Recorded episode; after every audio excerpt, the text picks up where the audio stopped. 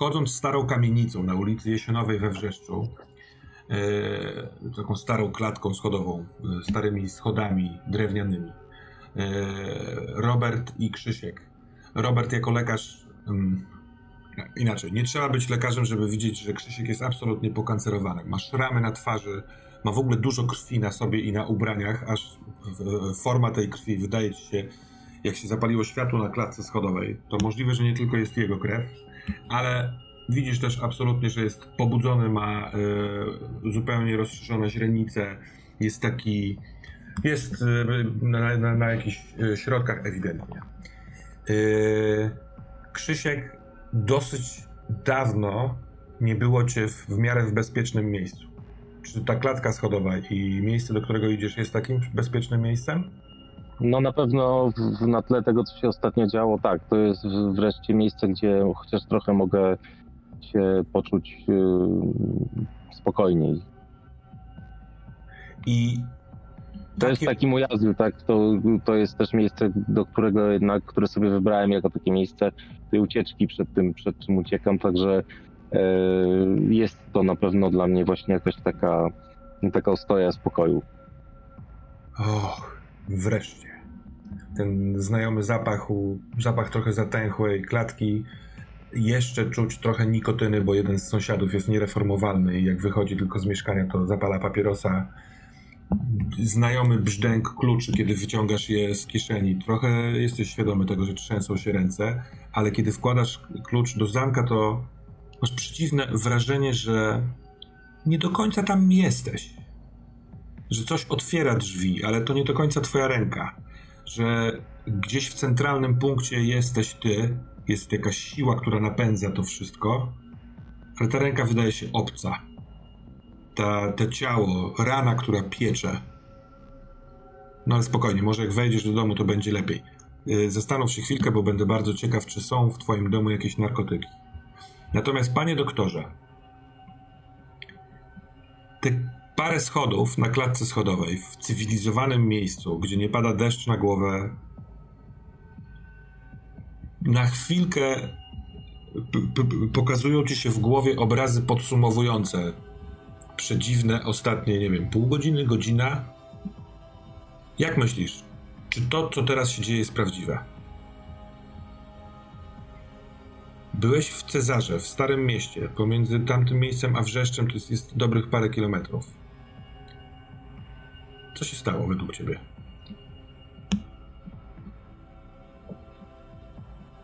Myślę, że Robert nie do końca to sobie umie poukładać w głowie i zdefiniować.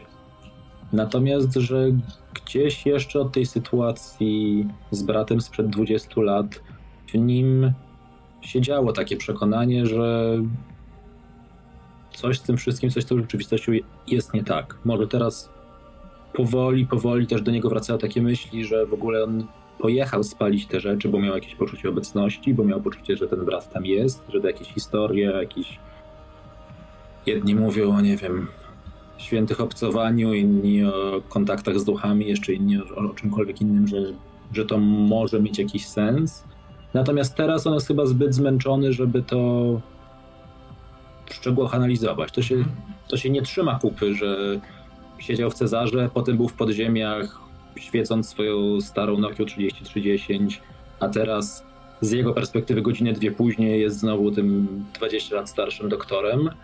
Um, ale on to na ten moment myślę, że po prostu postrzega liniowo. To znaczy jakby, hmm. jakby to skakanie w czasie, no jakby przyjmuje. Jest to dla niego dziwne, ale, ale nie do końca rozkminia, jakby to, się, jakby to się mogło stać. Jakby tyle rzeczy się dzieje, wciąż myślę, że ma w głowie z jednej strony pewnie jeszcze ten, ten zapach krwi i przerażenie Jarka, bo to było bardzo niedawno. To myślę, że jakby są obrazy, które, które mu najbardziej krążą teraz przed oczami. Mhm. Potem Krzyśka, potem którego ma przed sobą.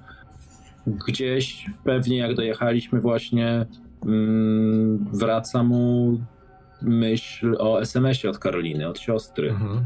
O zaginionym, zmarłym trudno powiedzieć bracie. E, więc teraz myślę, że Robert wchodzi w taki trochę zadaniowy tryb, tak? I do Mhm. którego jest czasem przyzwyczajony, nie wiem, z, z sali operacyjnej, tak? Kiedy potrafi być czasem zmęczony, bo dyżury trwają długo, kiedy potrafi nagle coś, co, coś w operacji nie iść, być jakby sporo adrenaliny, yy, ale trzeba się wyciszyć tak wewnętrznie i jakby robić swoje, a dopiero potem się z tym jakoś powiedzmy po, poukładać wewnętrznie. Więc myślę, że on jest jakby w tym momencie w takim bardziej z jednej strony trochę podenerwowany, ale z drugiej strony stara się jakby odsunąć na bok i być w takim trochę bardziej powiedzmy zadaniowym trybie niż Dobra, to zadaniowość, yy, to, to, to, to paliwo, które cię napędza, bardzo podoba mi się, że ono jest związane z profesją, którą wykonujesz. Ale to z profesją, którą wykonujesz też yy, się wiążą dwie rzeczy. Yy, kiedy ten Krzysztof cały yy, otwiera drzwi, to widzisz profil jego. On ma dwie sznyty na twarzy, które jeśli nie zostaną zszyte, to zostawią brzydką, dużą, dwie, dwie duże blizny. Y, To skojarzenie wiąże się ze skojarzeniem, że cały twój kuferek z medykamentami został w Cezarze, albo może go gdzieś posiałeś. Nie masz go ze sobą, chociaż go z nim jechałeś, żeby tam poskładać tego całego dziadzie. Yy... Dobra. I wchodzicie do środka mieszkania Krzyśka. Ale na chwilkę zajrzyjmy do Cezara. Kiedy Remku zniknął y, y, na schodach ten cały Olo, kiedy zatrzasnęły się za nim piętro niżej drzwi, kiedy rozedrgany z wilgotną twarzą od łez, z, i czułeś, jak zaciskają się szczęki w jakimś takim niepohamowanym nerwościsku, zawołałeś y, Maćka, który wyszedł z biura.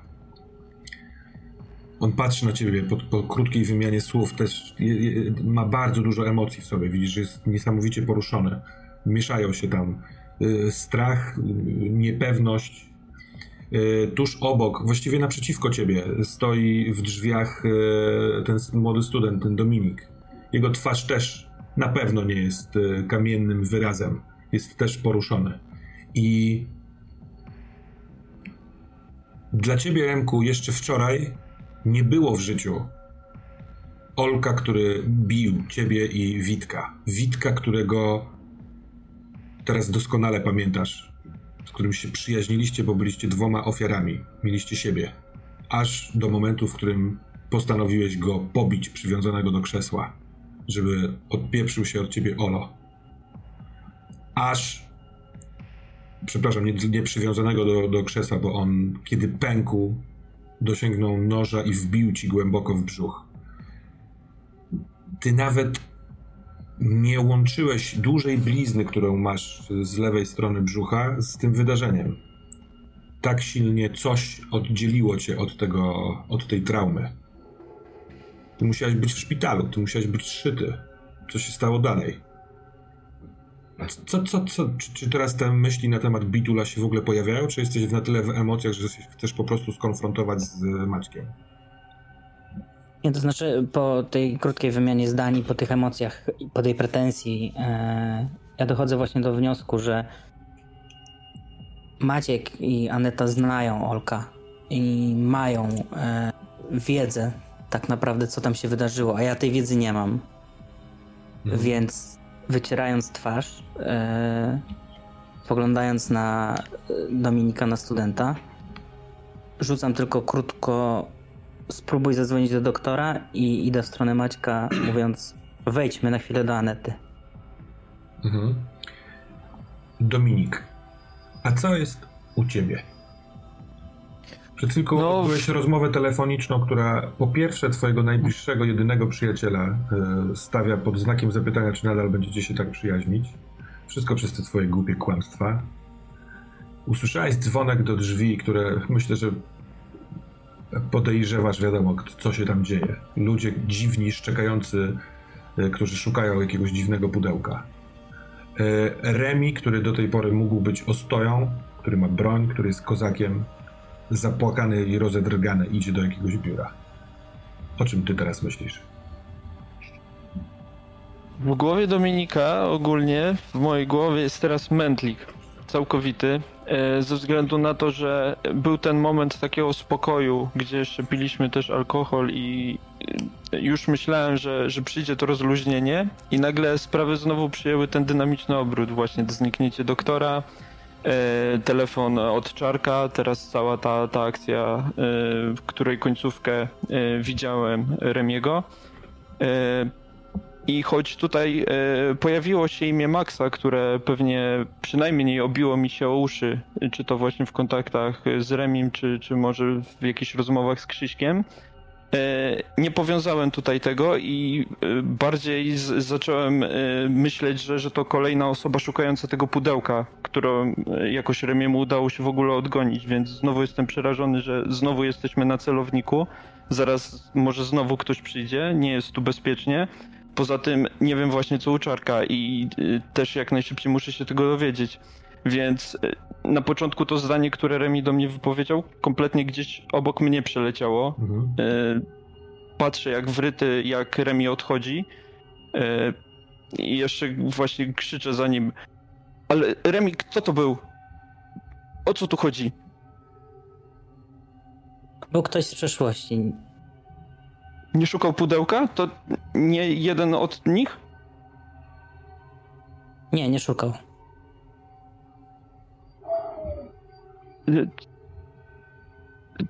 Ty mówiłeś coś wcześ- wcześniej? Coś, coś chciałeś ode mnie. Nie, już nie odpowiadam. Zrzuciłem dwa, dwie odpowiedzi Mhm. idąc i już dalej nie odpowiadam, tylko się kieruję do biura. Tak, tak, tak. Maciek trzyma otwarte drzwi. Yy, wiesz, tak, że wpuszcza cię przodem. Wchodzisz, Aneta stoi koło biurka, bardzo przejęta też patrzy na ciebie. I zaraz tam wejdziemy. Ale ty, Dominiku, poproszę cię o rzut na swoją komplikację kłamca. Rzucamy ją na nią na każdej sesji.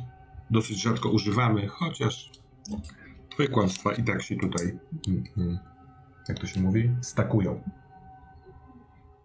No, no także 9 e, minus 3, także 6. Dobra, to mam trzy kłamstwa dla ciebie. Trzy, trzy wpływu. Zatem, Dominiku, co chcesz zrobić? Remi wszedł do pomieszczenia biurowego. E, tak, także tak jak mówiłem, właśnie ja nie zakodowałem trochę tego, o co mnie Remi prosił, ale dalej w mojej głowie jest zorientowanie się, co się dzieje z Czarkiem. Mhm. Na razie Remi poszedł, więc e, nie mogę go prosić o to, żebyśmy wybrali się tam. Także szybko e, przypominam sobie, że rzuciłem we wściekłości w nerwach telefon na, na kanapę Mhm. po tym, jak e, Czarek nie odbierał i e, spróbuję jeszcze raz do niego zadzwonić. Dobra, to dla porządku jesteś w pomieszczeniu, w które składa, jakby, jakby to są dwa pokoje, y, trochę przypominające mieszkanie, dosyć luksusowe. Pomiędzy jednym a drugim pomieszczeniem nie ma drzwi, tylko taki, tak, taki portal wycięty. W tamtym drugim pomieszczeniu na stole leży postrzywany przez doktora dziadzia. Oddycha bardzo powoli, taka wielka klata piersiowa tego starszego faceta się podnosi i opada. A w tym pomieszczeniu jest na stole pudełko. W tym pudełku jest sporo narkotyków. Yy, są dwa ślady, list i fotografia, które wzięliście z tego domu na działce, właściwie Remi wziął. Yy, Jest też trochę alkoholu i jest gdzieś twój telefon. Jest też miejsce, w którym był doktor, ale go nie ma. Dzwonisz do czarka i nikt nie odbiera. Krzysiek i Robert. Co robicie? E, Ja otwieram drzwi, wchodzę do mm, mieszkania. Ogólnie mieszkanie to jest takie mieszkanie zrobione na wynajem typowe. E, Najpierw jest taki, wchodzi się, jest nieduży korytarz idący w lewo. Naprzeciwko są, jest wejście do y, kuchni. Po lewej stronie na końcu korytarzyka jest łazienka. E, idąc po, po prawej stronie jest wejście do, do pokoju, salonu, cokolwiek, no, pokoju mieszkalnego. To jest, to jest nieduże mieszkanie. Urządzone tak powiedzmy nie, niezbyt bogato, ale, ale w miarę schludnie. Czy są tu Eee, jakieś nar- narkotyki? E, narkotyki są, ale nie są e, na wierzchu i są to nieduże ilości. To są takie moje, powiedzmy, e, tylko na własny użytek na czarną godzinę. No ale to wystarczy, żebyś rzucił teraz na swoją komplikację narkoman. Okej.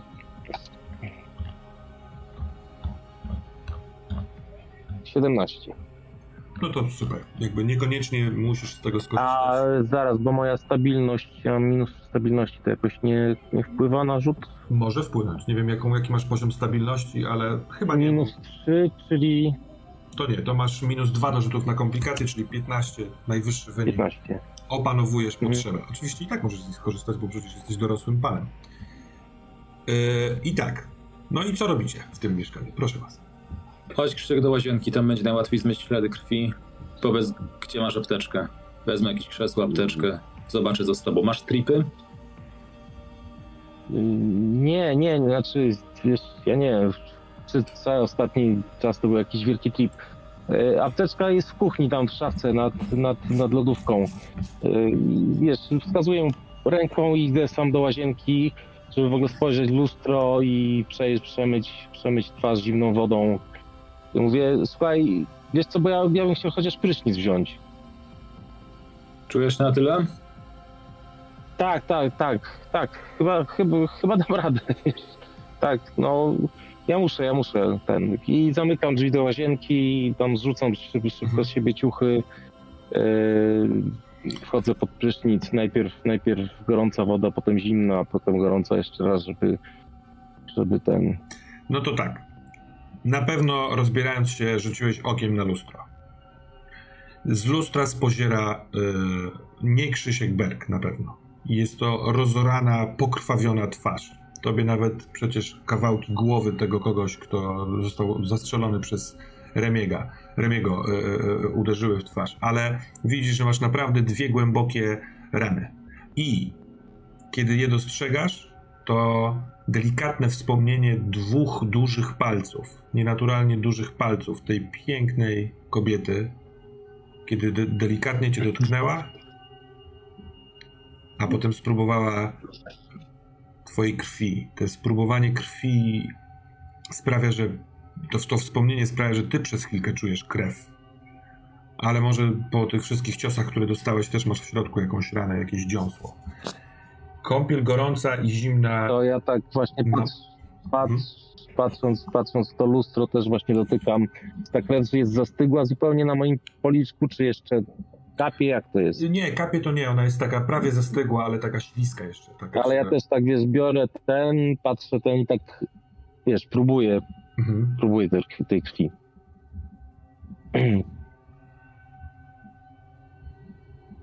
Zaciska się żołądek, w związku z tym masz flashback y, absolutnie mm, realny. Ty kiedyś dokładnie takie coś zrobiłeś.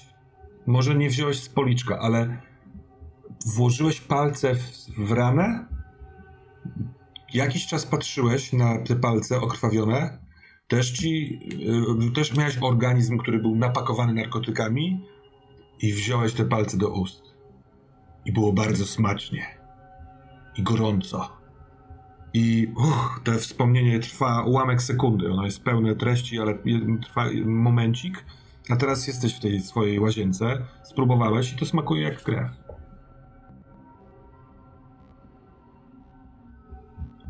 No, szybko się myję i wychodzę, mówię, Robert, Dobra. wiesz co, To my, my, myślę, że podczas twojego prysznica może... Znaczy w międzyczasie. Tak, Okej, będzie chciał dobra. zrobić. Tak, więc Robert jakby w pierwszej kolejności udaje się do tego miejsca, które Krzyk mówił, że tam jest apteczka. Mhm. Po prostu wyciąga wszystko, co tam jest na, na jakiś stół w kuchni albo, albo, albo stół w salonie. No to, I- to, to jest niezły sprzęt, podejrzewam. Jako pan farmaceuta myślę, że możesz mieć odpowiednie leki w odpowiednich dawkach. No, ja nie mówię o czymś zdrożnym, tylko o tym, że być, tak, go, leki, leki, leki tam są, aczkolwiek na pewno nie będzie tam jakichś rzeczy, nie wiem, typu igły do szycia, No tak, tak, tak. tak. ran, tak. Mo- Nie, Prosto właśnie patrunki. zastanawiam jeszcze patrzę, bo widziałem, że on mnie nie zrozumiał, czy są to takie plastry ściągające, to właśnie stripy. Więc widząc, że on mnie nie zrozumiał, to sam patrzę, czy, czy Zrozumiałem, czy mam, tak. A z kolei będąc pozytywnie zaskoczonym ilością środków farmakologicznych tam patrzę, czy z kolei e, jest tam adrenalina. Bo Krzysiek wydaje się być w takim stanie, że za jakiś czas jest, może... jest tam adrenalina? Myślę, że jest. Myślę, że może być adrenalina. Mhm. W różnych sytuacjach związanych z moim zawodem się przydaje. Yy, Także tak, jest strzykawka z adrenaliną. Najbardziej. Takim właśnie jakby mechanicznym ruchem wyuczonym, że odsuwam część tych rzeczy, która mi będzie potrzebna na jedną stronę stołu, część na drugą, ale zostawiam to wszystko na stole. Po czym jeśli słyszę, że on właśnie poszedł się myć, słyszę kapiącą, yy, buszczoną wodę pod prysznicem, to po prostu bezceremonialnie idę do lodówki i patrzę, czy znajdę tam jakiegoś energetyka. Znajdzie, Krzysiek? Jesteś pijącym energetyki? Tak, tak, myślę, że jakiegoś tam monstera mam coś takiego, y, jak, jakąś, jakąś wodę ta- z magnezem, coś takie, tego typu rzeczy na kaca, bo to tam... No to właśnie Robert otwiera lodówkę, wyciąga monstera, siada gdzieś na jakimś wygodniejszym krześle albo w fotelu, w zależności od tego, co tam znajdzie. Otwiera, otwiera energetyka, bierze parę łyków, po czym wyciąga z powrotem telefon. Mhm. Patrzę w ogóle, czy mam ten telefon, czy go nie zgubiłem gdzieś, bo już też... Masz telefon. I to nie jest stara Nokia, też kurczę, bardzo masz żywotne wspomnienie dłoni, które trzymało i oświetlało. Ja patrzę jeszcze raz na tego SMS-a od Karoliny. Mhm. Patrzę, czy jeszcze w ogóle coś w międzyczasie nie przyszło, ktoś nie dzwonił. Nie, nie. To jest ostatnia rzecz, która dotarła do twojego telefonu. No jest to zaciekawiony tekst Karoliny. Albo Karolina jest To zaciekawiona. jest w ogóle godzina. Jak teraz trzymając ten telefon, prostu patrzę. W ogóle pierwszy raz się zorientowawszy, że Zróbmy z tego 19.30. okej, czyli raczej krótko mnie nie było. Mhm. Przynajmniej tej rzeczywistości. Okej. Ehm, no to w tej sytuacji po prostu wybieram jej numer i dzwonię. Halo? Cześć, jak się masz? Mm. A, a, a, a czemu pytasz i dzwonisz? Nie, nie, gdzie ty jesteś? Myślałem, że już będziesz. Co przepraszam, nie dam rady przyjechać, po prostu popieprzyło wszystko. Też powiem mi szczerze, pojechałem na tą stację się tam rozejrzeć, ale, ale nic nie znalazłem. Aha. No dobra. Co ty myślisz? To, to zdjęcie mógł, nie wiem, ktoś edytować? Jakiś po prostu debilny dowcip? Cokolwiek? Nie jest łatwo, wiesz, mi rozpoznać, czy ktoś to mógł edytować, bo to jest bardzo nieostre i, i no, ja to sobie po, poedytowałem. No, wydaje mi się, że nikt przy tym nie grzebał. Robert, dziw, dziwnie się z tym czuję. No to jest tak, że jak zobaczyłam to, tą bliznę, to aż mnie coś ukuło w środku. To jest dokładnie taki sam kształt przecież. To jest... No ale dobra, no nie ma co tutaj, wiesz, fantazjować. To jakiś, jakiś dziwny przypadek, jakaś... Tak jak się mówi, że mamy kopię, no nie? Że można spotkać kogoś, kto jest bardzo podobny do ciebie. Nie wiem, słuchaj, rozejrzę się tu jeszcze trochę. Dam ci znać. Wpadnę za dzień, dwa. Dobra, odezwę się do ciebie. Dobra, no dobra. Mam nadzieję, że wszystko w porządku u ciebie. Też masz taki przytłumiony głos. Wiesz co, on jakoś ten dzień budzi dużo wspomnień. No, trochę budzi. Od tego zdjęcia rano, teraz, jakieś jeszcze.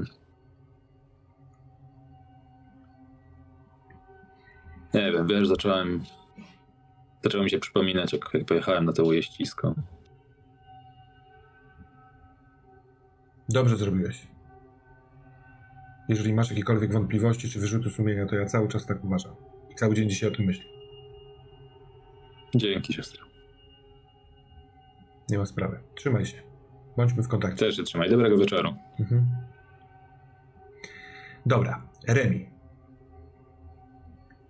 Niewielkie biurko, biuro, y, bardzo zagracone. Oni nie są specami od, y, wiesz, porządku takiego biurokratycznego, więc skoroszyty, umowy, duperele, popielniczka, papierosy, jakiś, jakaś butelka otwarta, jakieś pudełko po jedzeniu, ale głównie trzy podenerwowane, przejęte osoby. Stoicie w takim trójkącie. Powiedzcie mi, bo mam dzisiaj dość e, ciężki dzień. Powiedzcie mi, kim jest Olek? Bo jeszcze do dzisiejszego ranka, jak się budziłem, to nie pamiętałem, kim jest Olek. W sensie nie miałem go w swojej pamięci. Wiem, że to dziwnie brzmi, ale nie wiem, wyrzuciłem go z mojego, z moich wspomnień, z mojego przetwarzania rzeczywistości. powiedzcie mi, bo wiem, że była sytuacja. Pamiętam tylko, że mnie gnębił. Gnębił Witka. Pamiętam Witka, ale też dopiero od dzisiejszej, dzisiejszego dnia. To jest dziwne, co mówię. Zdaję sobie sprawę, ale mam dzisiaj tak chujowy dzień, że będę grał otwarte karty, nie będę siedził się na jakieś ewolucje słowne. Po prostu powiedzcie mi, kim jest Olek, skąd on się wziął, co on mi zrobił i co się wydarzyło wtedy, jak dostałem kosę w brzuch. Oni są absolutnie zadziwieni. Nie, nie, myśleli, że będziesz mówił coś innego. Ona patrzy na męża, tak jakby chciała, żeby on mówił. No więc Maciek. e, Dobra, Remi, może siądziemy, ale tam nalejesz nam coś? E, Jasne, powiem ci, ale. Czego, czego, czego nie pamiętasz? No to jest Olo, to jest ten skurwiel z Bidula, to jest ten, ten, ten, ten cymbał. Ja, nie, nie miałem z nim kontaktu, ja nie wiem kim on jest. Zadzwonił do mnie dzisiaj Max, że będzie nowy typ. Od słowa do słowa dowiedziałem się, że to jest on. Chciałem jak najszybciej przybyć tutaj, żeby z tobą o tym pogadać. Aneta wtrąca.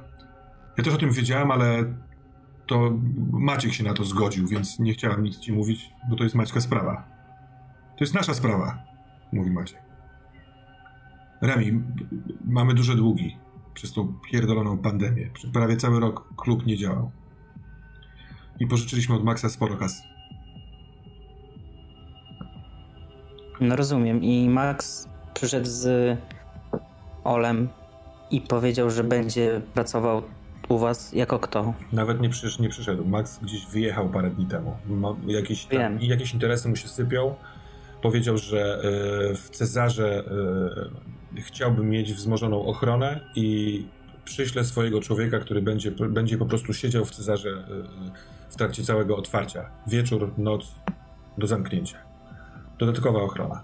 Ja w razie jakichś wsypy, ja nie wiem, nie, nie, nie chciał powiedzieć o co chodzi, czy to jakiś, nie wiem, inny mm, inny sprzedawca się pojawia, czy coś takiego.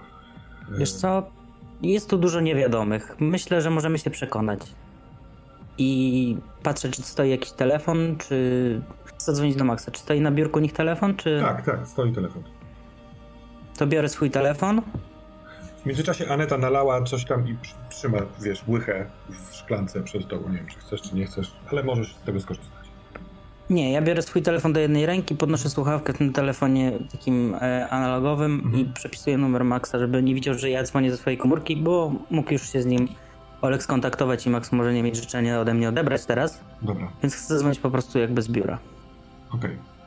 i Oni- włączyć na głośnik od razu. Oni oboje nie wydają się, y, wiesz, zaniepokojeni jeszcze dodatkowo. To Nie wydaje ci się, żeby coś ukrywali przez ten sam gest tego, że oni spoko, chcą sprawdzić, co ty wydzwonisz, no nie? Mhm. Myślę, że bardziej się niepokoją tym, że przyjęli Olka, a Olek dostał wpierdol na ich terenie. I odbiera. Halo? Halo, dzwonił do ciebie Olek już? Dzwonił. Jak cię znam, to go sprawdziłeś, zanim go przyjąłeś. A czy wiesz, że my się znaliśmy? Czy wiesz, że my mamy wspólną przeszłość z Olkiem i to nie bardzo sympatyczną? Jak go sprawdzałem, to nie wiedziałem. Jak się z nim spotkałem, to się dowiedziałem. No dobra, czyli jak się z nim spotkałeś, to wiedziałeś. To nie uważasz, że wypadałoby mi w takiej. Nie chcę brzmieć ofensywnie, ale nie uważasz, że moglibyśmy tego uniknąć, co się wydarzyło dzisiaj w Cezarze, gdybyś mi powiedział, że to jest on i że się nie spotkamy tak o? Myślałem, że w dupie będziecie mieli obaj, co się wydarzyło, kurwa, ileś tam 10 lat temu. W jakimś zupełnie innym mieście. Obaj macie Możliwe, swoje zadania, ma. zarabiacie pieniądze na tym. O, o czym my teraz rozmawiamy? Mam cię pocieszyć? Nie, nie masz mnie pocieszać. Max, masz mi. Chciałbym, żebyś mi wytłumaczył, dlaczego dzisiaj od rana biegam za twoimi tematami. W zasadzie nie powinienem za nimi biegać z dziadzią. E, robię dla ciebie dobrą robotę, a ty przyjmujesz typa, który mi zniszczył życie. Tak naprawdę. Jak to zniszczył ci życie? To, to ja wszystkiego nie wiem. On mi powiedział, że byliście razem w Bidulu. I się si- głupio cieszył, kurwa, że cię spotka. Słuchaj, Max, Współpracujemy nie od dziś. Możesz mieć takich e, olków 230, a nie musisz go zatrudniać. Więc moja wielka prośba do ciebie i wstawiennictwo, myślę, że i Anety, i Maćka za tym, żeby Olo jednak się zmył. Bo będzie z tego więcej kwasu niż w, do tej pory. Chcesz, to ja ci kogoś zorganizuję, załatwię zaufanego człowieka. Ty mi załatwiłeś, kurwa, Ale- Ale... człowieka, który miał mi pichcić rzeczy. Ten zjeb ukradł to, co moje i zniknął. Dlatego ty dzisiaj biegasz za moimi sprawami. No, dlatego masz rację. I dlatego też pudełko z wszystkimi dropsami. Co prawda nic, nic o nich nie wiedziałem, ale mniejsza z tym, co jest w Cezarze. To odebranie O. Anety i Maćka, O, no i a z Bergiem pozwól, że się policzę po swojemu sam, bo tak jak mówisz, ja go przeprowadziłem, więc ja go naprostuję. Okej? dobra. To bardzo cię proszę, Remku, o rzut na wpłynięcie na innych. Chodzi mi o to, na jak on się ustosunkuje do twojej prośby, żeby e, Olka tu nie przysyłać, bo to jest gruba prośba. Ale argumenty przedstawiłeś bardzo dobre. Dobra, to jest e, Wpłyń na innych plus charyzma. Tak jest. Dobra, to mam 8 plus 6 i plus 3. No to najwyższy.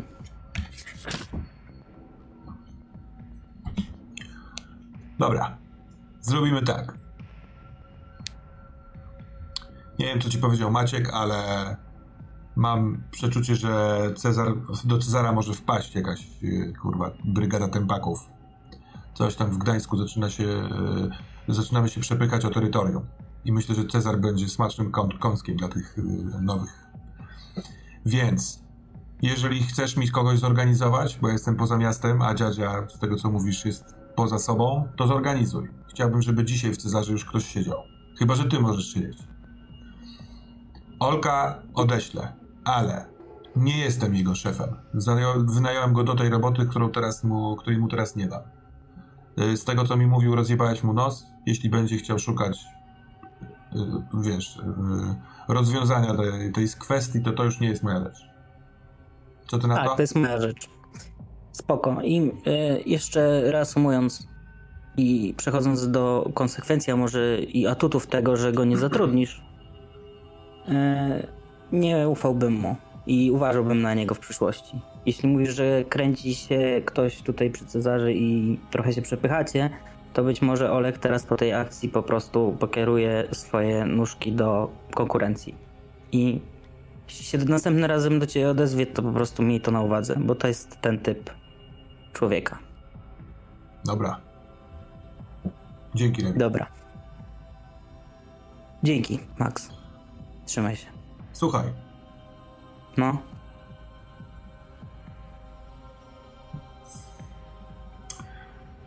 Kurwa. Ja nie zwykłem tak robić. Ale dziadzia jest sentymentalny. Od zawsze mi pierdoli, że jesteś w porządku. A po tym, co teraz powiedziałeś, będę miał oko na tego Olka. Jakby coś szurał do ciebie, to i będziesz potrzebował pomocy, to wal do mnie. doceniam to. Dobra. Dzięki. Dzięki za pudełko i dzięki za dziadzie. A w kwestii tego, co jest w pudełku, pogadamy, jak w gru- wrócę do Gdańska. W porządku. Trochę nie mój interes, ale jeśli będziesz miał ochotę, to Wiem, że to nie twój interes, ale ja chętnie pogadam, bo chcę być z tobą na dobrej stopie. myślę, że jesteśmy na, naj... na najlepszej po tej rozmowie. Także dzięki. Trzymaj się. Trzymaj się. Yy... Słuchajcie, No. zwracając się do Anety i do Maćka, słuchajcie. Słyszeliście, co się wydarza? Raczej nie chciałbym, żeby dziadzia tu został. Max też prosił, że jak się obudzi, to żeby zadzwonił do niego. Więc czy mogę was prosić, żebyście go gdzieś przetransportowali? Nie wiem, do jego mieszkania czy coś. Jego auto zostało pod działkami. Pewnie jak wejdziecie na trójmiasto.pl, to doczytacie, co tam się stało i co się wydarzyło. Eee, A ty myślisz, że powinniśmy się otwierać w ogóle w takiej sytuacji? Ten Olek tu nie wróci? jebać Olka, myślę, że nie wróci dzisiaj. A jeśli wróci, to napiszcie mi SMS-a. No Ja muszę ogarnąć jeszcze Berga. A co do tej yy, początku tej rozmowy, to powiedzcie mi tylko, co się wydarzyło, jak jak dostałem to kosę w brzuch. Co później było w następnych tygodniach? Czy co się działo? W sensie, ja byłem w szpitalu, wróciłem do Bidula, jak to było? Oni spoglądają na siebie takim powolnym przekręceniem głowy. Patrzą chwilkę na siebie i masz wrażenie, że jakiś klocek, którego brakowało, wszedł do układanki. Spoglądają na ciebie zaniepokojonym wzrokiem.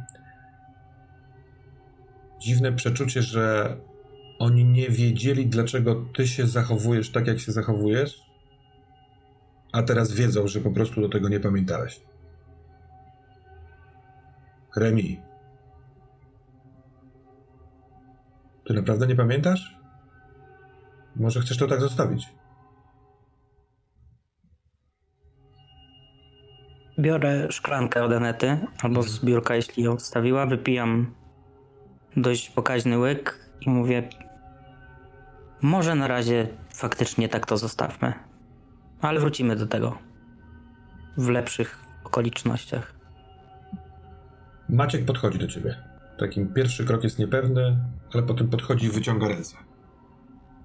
Chce cię przytulić. W sensie tak wiesz, wziąć. Miśka strzelić. Miśka strzelić. Bo i on no to się, pozwalam na on to. się zesrał, o, wiesz, tutaj dużo stresu w tym pomieszczeniu. Myślę, że on też się boi o ewentualną przyszłość. Słyszał tę rozmowę z Maxem, ale Mhm. po tym miśku chwyta cię za głowę, patrzy przez chwilkę blisko. Remi. Uff, Bałem się, że go zestrzelisz, kurwa. Nie rób takich rzeczy. Dobra? Po co, Postaram się. po co przekraczać jakieś granice? Potem pewnie pewnie ten zjeb, Olek, może kiedyś komuś coś takiego zrobił. Jakąś granicę przekroczył. Dobra? Ja go, biorę, ja go biorę też za głowę, tak jak on mnie, Mhm. i mówię, już przekroczyłem. I I puszczam go i chcę wyjść, powolutku rzucając dzięki. rozpęka się jego twarz, która przez chwilkę miała pewność taką przyjacielskiej rady, ale to, co mu powiedziałeś, sprawiło, że zabrakło mu języka. Kiedy wychodzisz, Aneta wyciąga w twoją stronę rękę, trochę nieśmiało, ale cofa ją, bo wie, że ten moment pomiędzy wami się skończył. Mimo niepokoju yy, ewentualnego, to ta rozmowa z y, Maxem, to jak ci poszło w tej rozmowie i ten łyk y, alkoholu z przyjaciółmi, możesz podnieść sobie stabilność o jeden. Jakkolwiek pewnie dalej wibrują w, w tobie rzeczy, to to to się wydarzyło. Dominik, zadzwoniłeś do Ce- Cezarego, nie odebrał. Możliwe, że zadzwoniłeś jeszcze raz, a jeśli tak, to znów nie odebrał. Co chcesz zrobić? Tak, ja po tych e, kolejnych nieodbieranych przez e, Czarka telefonach generalnie cały znerwicowany e, po prostu łażę jak kot z pęcherzem po, po tym pomieszczeniu. Kręcę się próbując zebrać skołatane myśli. Przez chwilę patrzę pewnie na stolik e, w jakiejś szklance zapewne jest e, niedopity alkohol. Mhm. Myślę sobie, że kurczę, dobrze, może to mi pomoże. Sięgam, podnoszę do ust, w połowie drogi się zatrzymuję. Nie, nie, muszę, muszę jak najbardziej zachowywać trzeź- trzeźwość, żeby dobrze myśleć. Odkładam z powrotem. Zaczynam dalej się kręcić po pokoju. Patrzę, czy jest y, może y, przy tej operacji doktora była jakaś miska z wodą. Y, Pewnie coś tam stoi takiego, więc stwierdzam, że może to, to pomoże. Biorę po prostu tę miskę, nie patrzę na to, czy jest, ta woda jest brudna, czy czysta. Wylewam sobie na twarz. Mhm. E, próbuję właśnie się odsucić trochę. E, e, tak, tak. E, trzeba działać. E, myśleć na spokojnie. E, tak. E, rozglądam się znowu. E, patrzę na pudełko. E, pudełko, tak, trzeba, trzeba wyjaśnić tę sprawę. E, podchodzę do tego pudełka. E, przypominam sobie, że doktor Robert zniknął. Więc przypominam też sobie, że, że w środku są piguły Krzyśka. Wyciągam telefon. W, wcześniej właśnie miałem w, w tych SMS-ach doktora Roberta, więc e, próbuję dzwonić do niego. To zróbmy tak. Krzysiek wychodzi z kibla na spotkanie z Robertem. Remi po rozmowie w biurze wchodzi do Dominika, a Dominik w tym momencie dzwoni do Roberta. Prawie jesteście wszyscy razem. Robert, dzwoni. Yy, nie wiem, czy masz go wpisanego, czy nie, ale dzwoni twój telefon. No myślę, że mam, bo skoro trochę współpracowaliśmy w przyszłości, ostatnio mu wysyłałem SMS-y z tym zdjęciem Tak, i tak tak. dalej, to, to, to raczej gdzieś, gdzieś mam ten numer. Okej, no Robert pewnie właśnie po telefonie do siostry siedział dłuższą chwilę na fotelu popijając tego energetyka, Mhm. pewnie już dwie trzecie puszki zostało, zostało opróżnione. Już właśnie miał się odzywać do Krzyśka, słysząc dźwięk otwieranego, od, od, otwieranych drzwi od łazienki, ale widzi, że ten telefon, który wciąż trzymał w dłoni, zaczyna wibrować. Miał, miał go tylko wyciszonego na wibracji, patrzy. Chwilę tak potrzebuje pewnie dwóch, trzech sygnałów, żeby coś mu w ogóle znowu się w głowie poukładało. Po czym odbiera. Tak? Doktorze? Słyszy mnie doktor? Tak, tak, jak najbardziej. Y, Co to było? W ogóle gdzie doktora wcięło? O co chodzi? Co się wydarzyło? To trudne pytanie. Poczekaj sekundkę, dobra? Zaraz, zaraz muszę cię wyciszyć na 20 sekund, zaraz się odezwę. E, Nie, chwilę. Po czym go wyciszam na sekundę, patrzę na Krzyśka, który, który wyszedł z łazienki. To, to, to pozwólmy Krzyśkowi. Krzysiek, chyba, że ty nie chcesz wychodzić z łazienki, ale założyłem tak, że wziąłeś prysznic, powiedziałeś wcześniej, że chcesz wychodzić do doktora. Czy coś ci się w międzyczasie wymyśliło, czy nie? Chyba jesteś wyciszony, nie wiem, czy mówisz teraz coś. O tak. Tak, yy, po ogarnięciu się oczywiście tam yy, szybko zakładam jakieś, miałem jakieś ciuchy w łazience na zmianę i wychodzę. Yy, No dobra, to jesteś. I Krzysiek, dzwoni Dominik, taki student, który z premium pracował, nie wiem, czy go znasz. My wcześniej siedzieliśmy w klubie przyjaciół no, Remiego. no, no, no kojarzę, kojarzę. Mogę im powiedzieć, że tu jesteśmy? Bo myślę, że wszyscy jesteśmy w tym samym głównie. A co chciał? Coś. To długa historia, ale myślę, że musimy o tym wszyscy pogadać. Wiesz, ja siedziałem w Cezarze, bo to nagle się znalazłem w tych kanałach, w których się spotkaliśmy. Gdybym nie przeżył tego, co przeżyłem, to bym Jakaś powiedział, że pierdolisz głupoty, ale... Ach, kurwa. Tam wciąż mam wątpliwości, czy dalej głupot, ale... Dobra, to powiem im, że jesteśmy tu, co? Dobra. Dominik, Tak się rozglądam.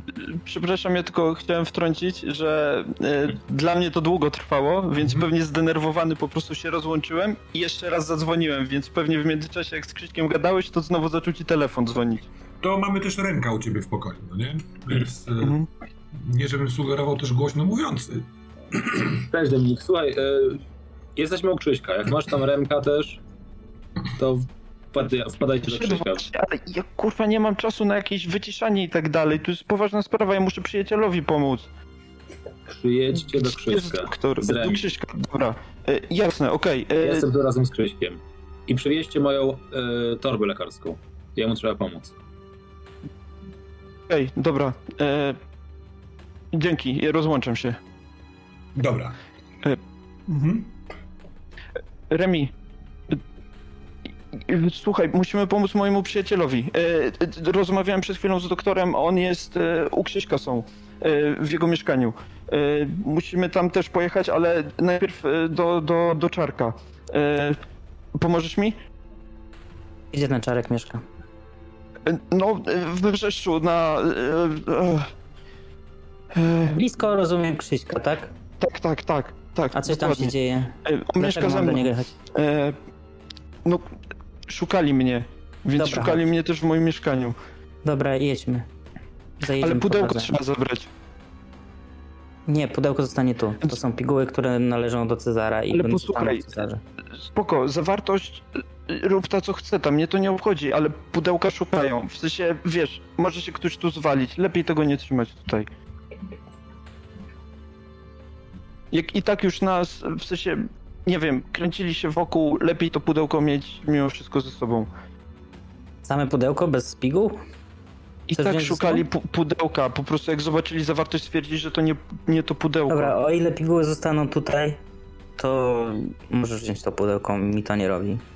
Ja po prostu biorę, wysypuję to tak na stół Mhm. i y, z tym pudełkiem już y, lecę do wyjścia. Okej, ja idę za nim. Nie Dobra. lecąc, ale idę.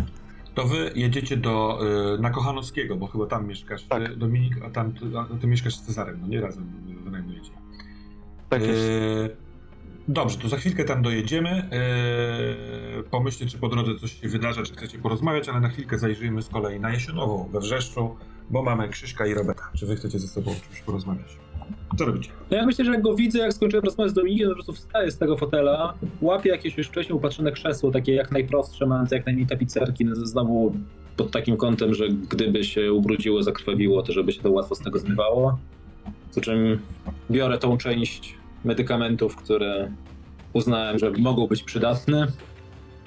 To w jedną rękę, krzesło w drugą, jakby idę do Krzyśka w kierunku łazienki.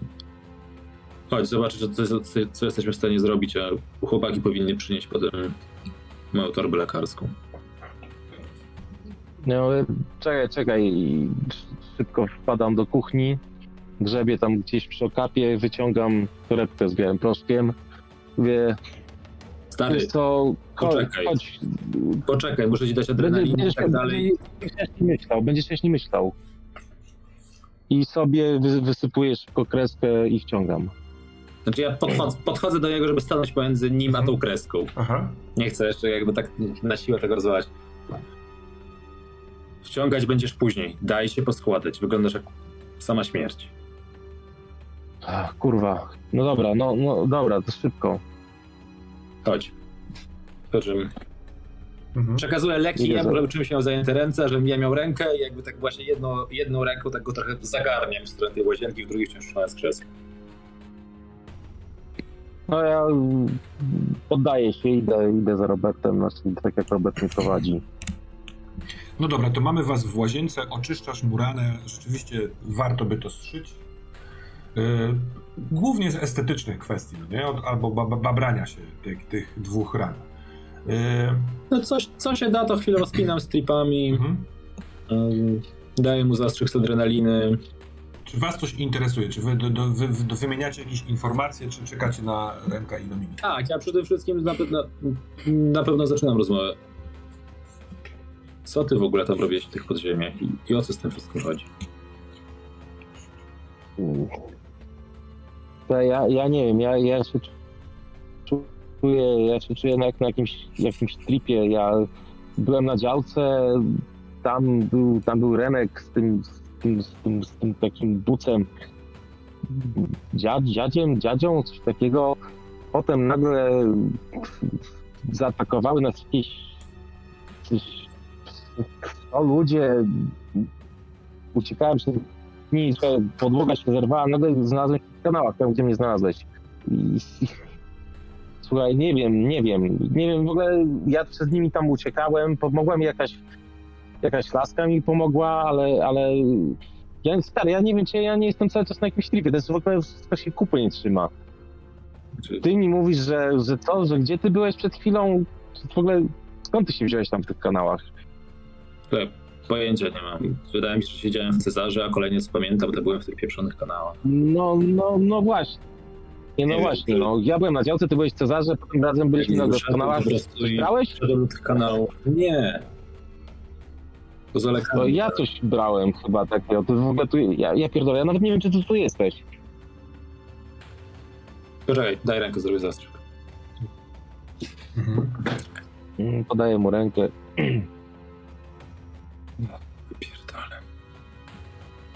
Stary, ale czy to, to mi się, nie, no. Ja byłem w Warszawie w międzyczasie, ja byłem, miałem jakieś flashbacki sprzed nastu kilku lat z Warszawy. z Messerschmittów. Nie wiem. W Messerschmittach próbowałeś swoich palców umoczonych we krwi. To tam są takie specyficzne... Jeszcze raz patrzę na, na tą rękę właśnie. No teraz to jest czysta ręka, drżąca lekko. Adrenalina rozchodzi się po krwiobiegu. Eee, masz dużo sił. A co to za kobieta, którą spotkałeś w tych kanałach? Też jakaś jedna z tych bezdomnych nastolatek, co tam siedzą?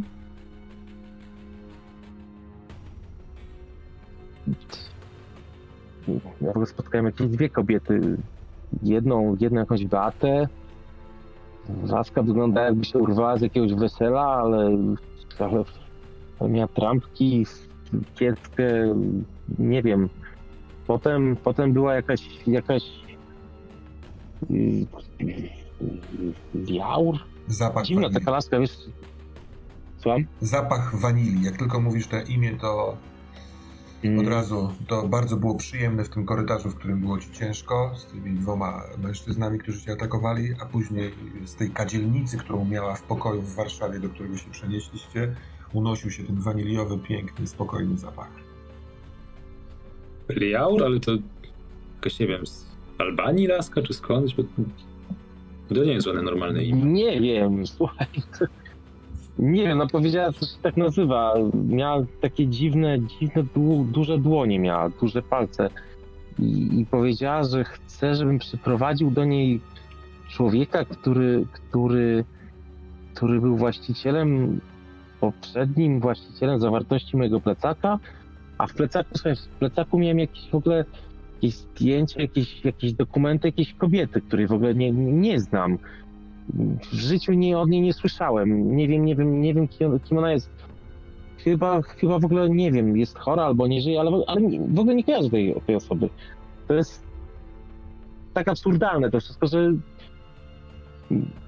no, no nie, ty to wcześniej miałeś w pudełku, Krzysiek? no, Bo Dominik z kolei coś opowiadał o jakimś pudełku, o tym, A że właśnie, w jakichś ja- kanałach. pudełku... Nie, nie miałem żadnego pudełka, miałem plecak. Ja miałem swój plecak, tylko że, tylko że w moim plecaku nie było moich rzeczy. Nie było, nie było dragów, nie było dragów, które miałem, Ale pudełko... właśnie, które miałem znajomego, a, a A pudełko niósł Dominik. Pamiętasz, jak szedłeś chyba zeszłej nocy, tak się wydaje, A korytarzem, spotkałeś Beatę i on niósł jakieś, jakieś pudełko. Mówił cały czas, że to jest ważne pudełko. Dominik, Dominik miał jakieś pudełko, a w moim plecaku nie było tego, co tam powinno być. Były jakieś właśnie obce rzeczy. Ale wiesz, że to jest moje pudełko. Ale no to z Dominikiem gadaj, ja nie mam twojego pudełka. Ja nie miałem tego pudełka, ja miałem, ja miałem swój plecak tylko. Znaczy, mnie tylko o pudełko Dominik- chodzi, ja nie wiem, co to za dokumenty pudełko. tam mieliście. Te dokumenty, przynajmniej to, co miał Dominik, to mi kompletnie nic nie mówił. Słuchaj, jak przyjdzie Dominik, to z nim pogadasz. Ja, ja, ja, ja nie wiem w ogóle, skąd ja miałem te rzeczy w plecaku. Może Dominik mi podmienił, może przerzucił z tego pudełka, nie wiem. No Ale po co? Po co on? W ogóle... No on był tam na działkach? Cholera. Był, ale go nie było. Widziałeś, widziałeś go, śniło jakimś tunelem. widziałeś go przez okno, jak skończyłeś robić e, cały sztynks dla mm, Maxa. Zobaczyłeś go w nocy, jak idzie z pudełkiem. Deszcz padał. Spakowałeś szybko narkotyki, wybiegłeś za nim. Kiedy do niego dobiegłeś, to poznał cię, ale mówił wolno, jakby nie był świadomy tego, że deszcz na niego pada. Poznał cię i jak do niego dobiegłeś, to właśnie otwierał yy, studzienkę. Zdziwiłeś się nawet, bo on to robił y, palcem. Palec włożył w taką w tą dziurę i podniósł. A potem zszedł tam. Ty pamiętasz, że chciałeś go zatrzymać. Ej, stary, co robisz? Dokąd ty idziesz? Dziwna decyzja. Pójdę tam za nim. Żeby mu pomóc? Niekoniecznie. Aż tak dobrze go nie znasz. W tej dziurze było coś ciekawego.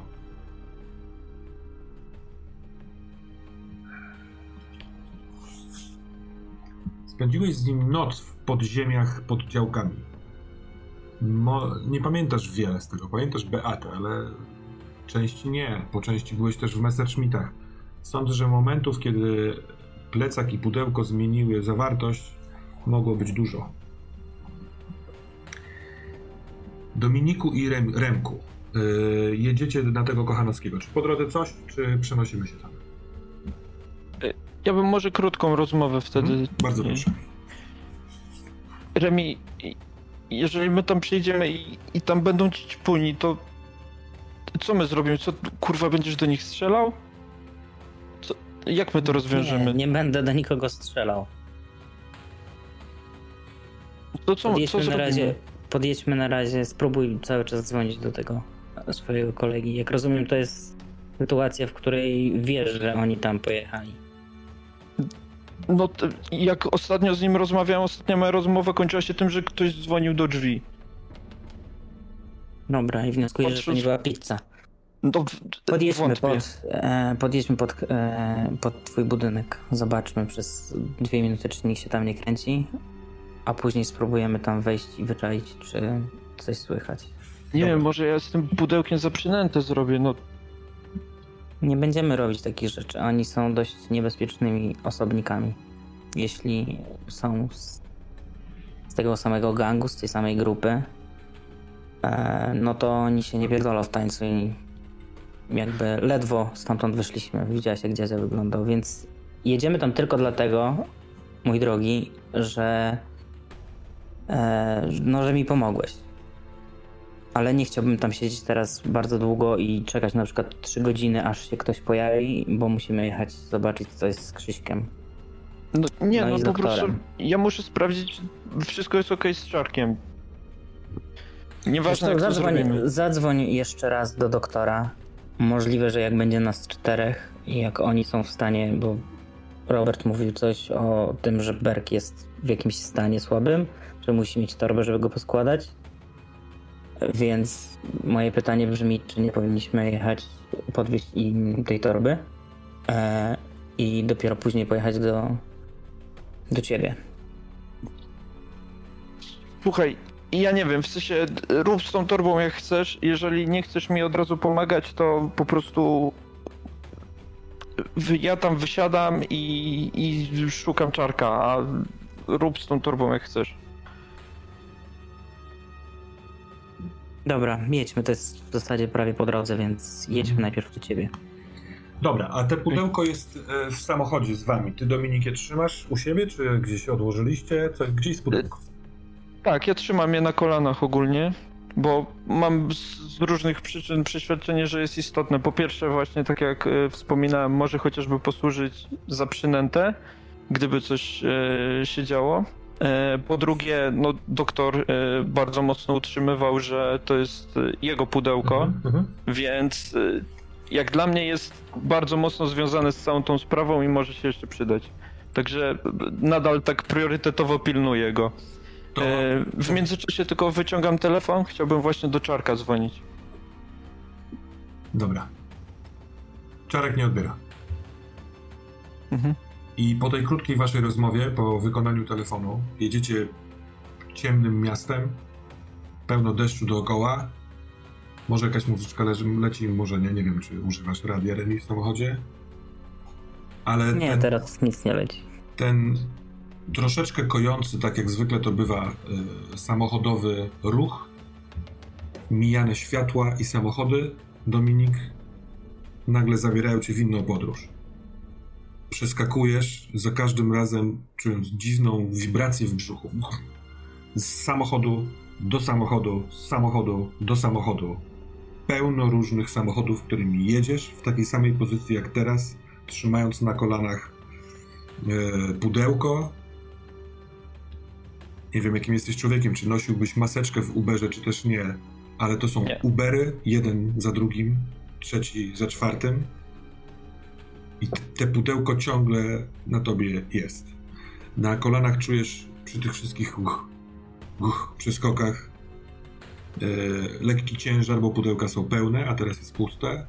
Za każdym razem w samochodzie jest inna stacja radiowa, inna melodia, inna muzyczka. Czasami ktoś coś mówi z przodu, jakiś kierowca. I wybija cię z tego sygnał, e, świetlny sygnał samochodu policyjnego. Ty, Remek, dostałeś od e, Dominika adres, ale w momencie, kiedy zajeżdżasz z Kościuszki na Kochanowskiego, to widzisz, że e, kawałek dalej w głąb, z prawej strony przy kamienicy stoją dwa samochody. Jed, jeden z włączonym sygnałem, policyjny samochód, drugi samochód to karetka pogotowia.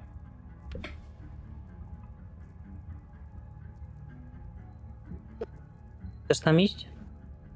Tak, no muszę się dowiedzieć o co chodzi. No kurwa ja... Nie wierzę. Wyjdź, podejdź tam, ale nie pytaj, tylko zobacz, rozeznaj się i wróć tutaj. Jeśli, Tak, tak. jeśli cię zgarną, pójdziesz na przesłuchanie albo coś, to będziemy w dupie. Więc tylko podejdź jako gapy. Jasne. E, zostawiam to pudełko na, na tym siedzeniu pasażera, wysiadam i na razie drugą stroną ulicy zmierzam w tamtą stronę. Nieśpiesznie. Mimo ulewnego deszczu na chodniku stoi trójka twoich sąsiadów. Jeden y, starszy facet y, ma taki sweter długi założony na głowę i rozmawia z policjantem, który ma taką, taki, taką foliową ochronę na, na czapkę i na kurtkę i coś próbuje zapisać y, z tego, co mówi.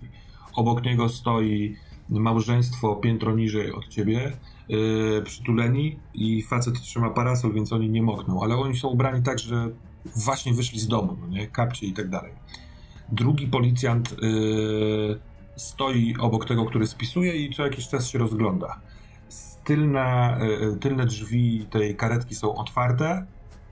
W karetce za kółkiem siedzi kierowca i kiedy jesteś na wysokości klatki, właściwie możesz tam przejść, to drzwi od klatki się otwierają i wyjeżdża na, e, znaczy właściwie stawiane są te takie kółka od noszy, które widocznie jak schodzili ze schodów, to były, wiesz, mieli, nieśli w rękach, a teraz dwóch ratowników otwierają te kółka i jadą z e, noszami w stronę karety. Co?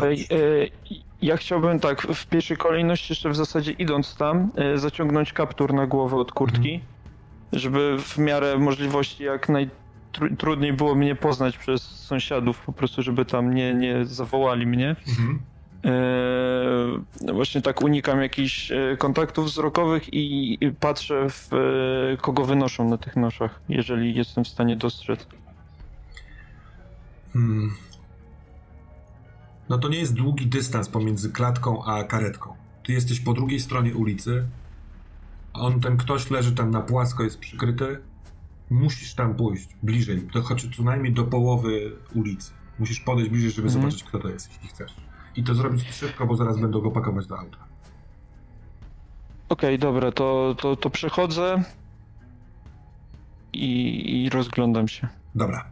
To kiedy wchodzisz na ulicę i dochodzisz do połowy patrząc, to yy, bip, bip, z daleka samochód daje ci znać, bo idziesz według niego zbyt wolno, że, żebyś przeszedł do końca. Ty poznajesz, że na noszach yy, jest Radek Maciejewski, ten facet, który dla ciebie pracował, którego znasz z ogólniaka, który jest twoim konkurentem, rywalem.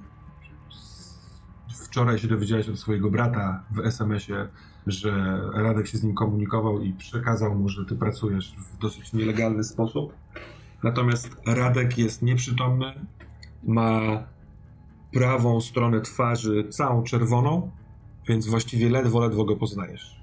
Ale ten widok i to, jak bardzo chciałeś to zobaczyć, skoncentrował cię głównie na pójściu tam. Więc ja poproszę o rzut na yy, act under pressure, czyli działanie pod presją, żeby sprawdzić, czy któryś z sąsiadów yy, cię rozpoznaje, a mają ku temu powody. Okej. E, dobra, teraz to... E, 18.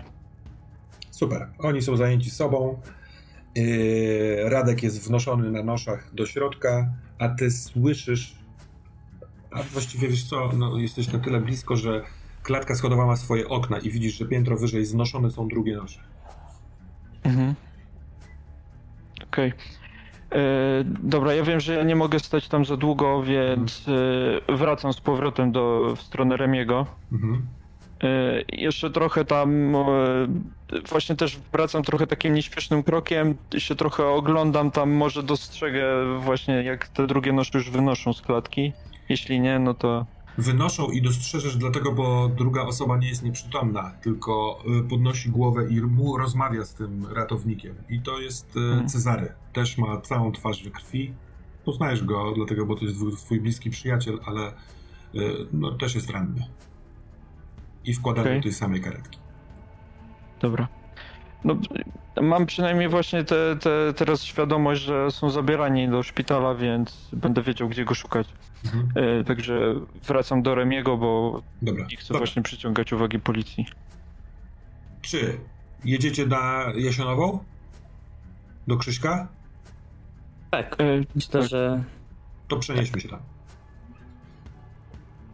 Jeszcze mam tylko do Krzyśka jedno pytanie, bo dalej to myślę, że, że, że, że jakiś small talk, ale jak tak właśnie go kończyłem op- opatrywać, też w którymś momencie po prostu wyciągam swój telefon komórkowy, pokazuję mu zdjęcie, to, które dostałem rano od siostry.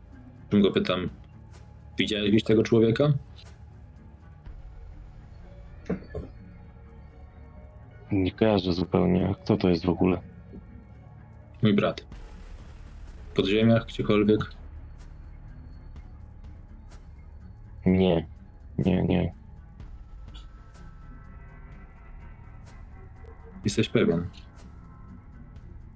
Czy wiesz co, po dzisiejszym dniu to ja ni- niczego już nie jestem pewien, ale nie, nie kojarzę człowieka. Ewentualnie poznajesz miejsce.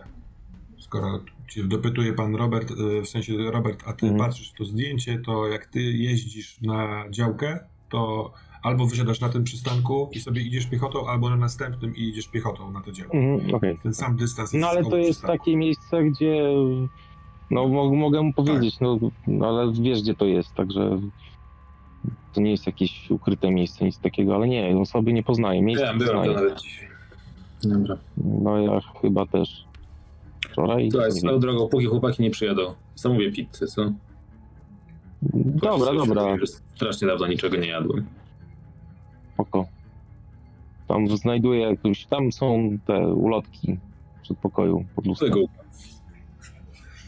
No dobra, muszę zamówić dwie, dwie czy trzy duże pizze, tak że Mhm. biorąc pod uwagę to, że oni pewnie dojadą.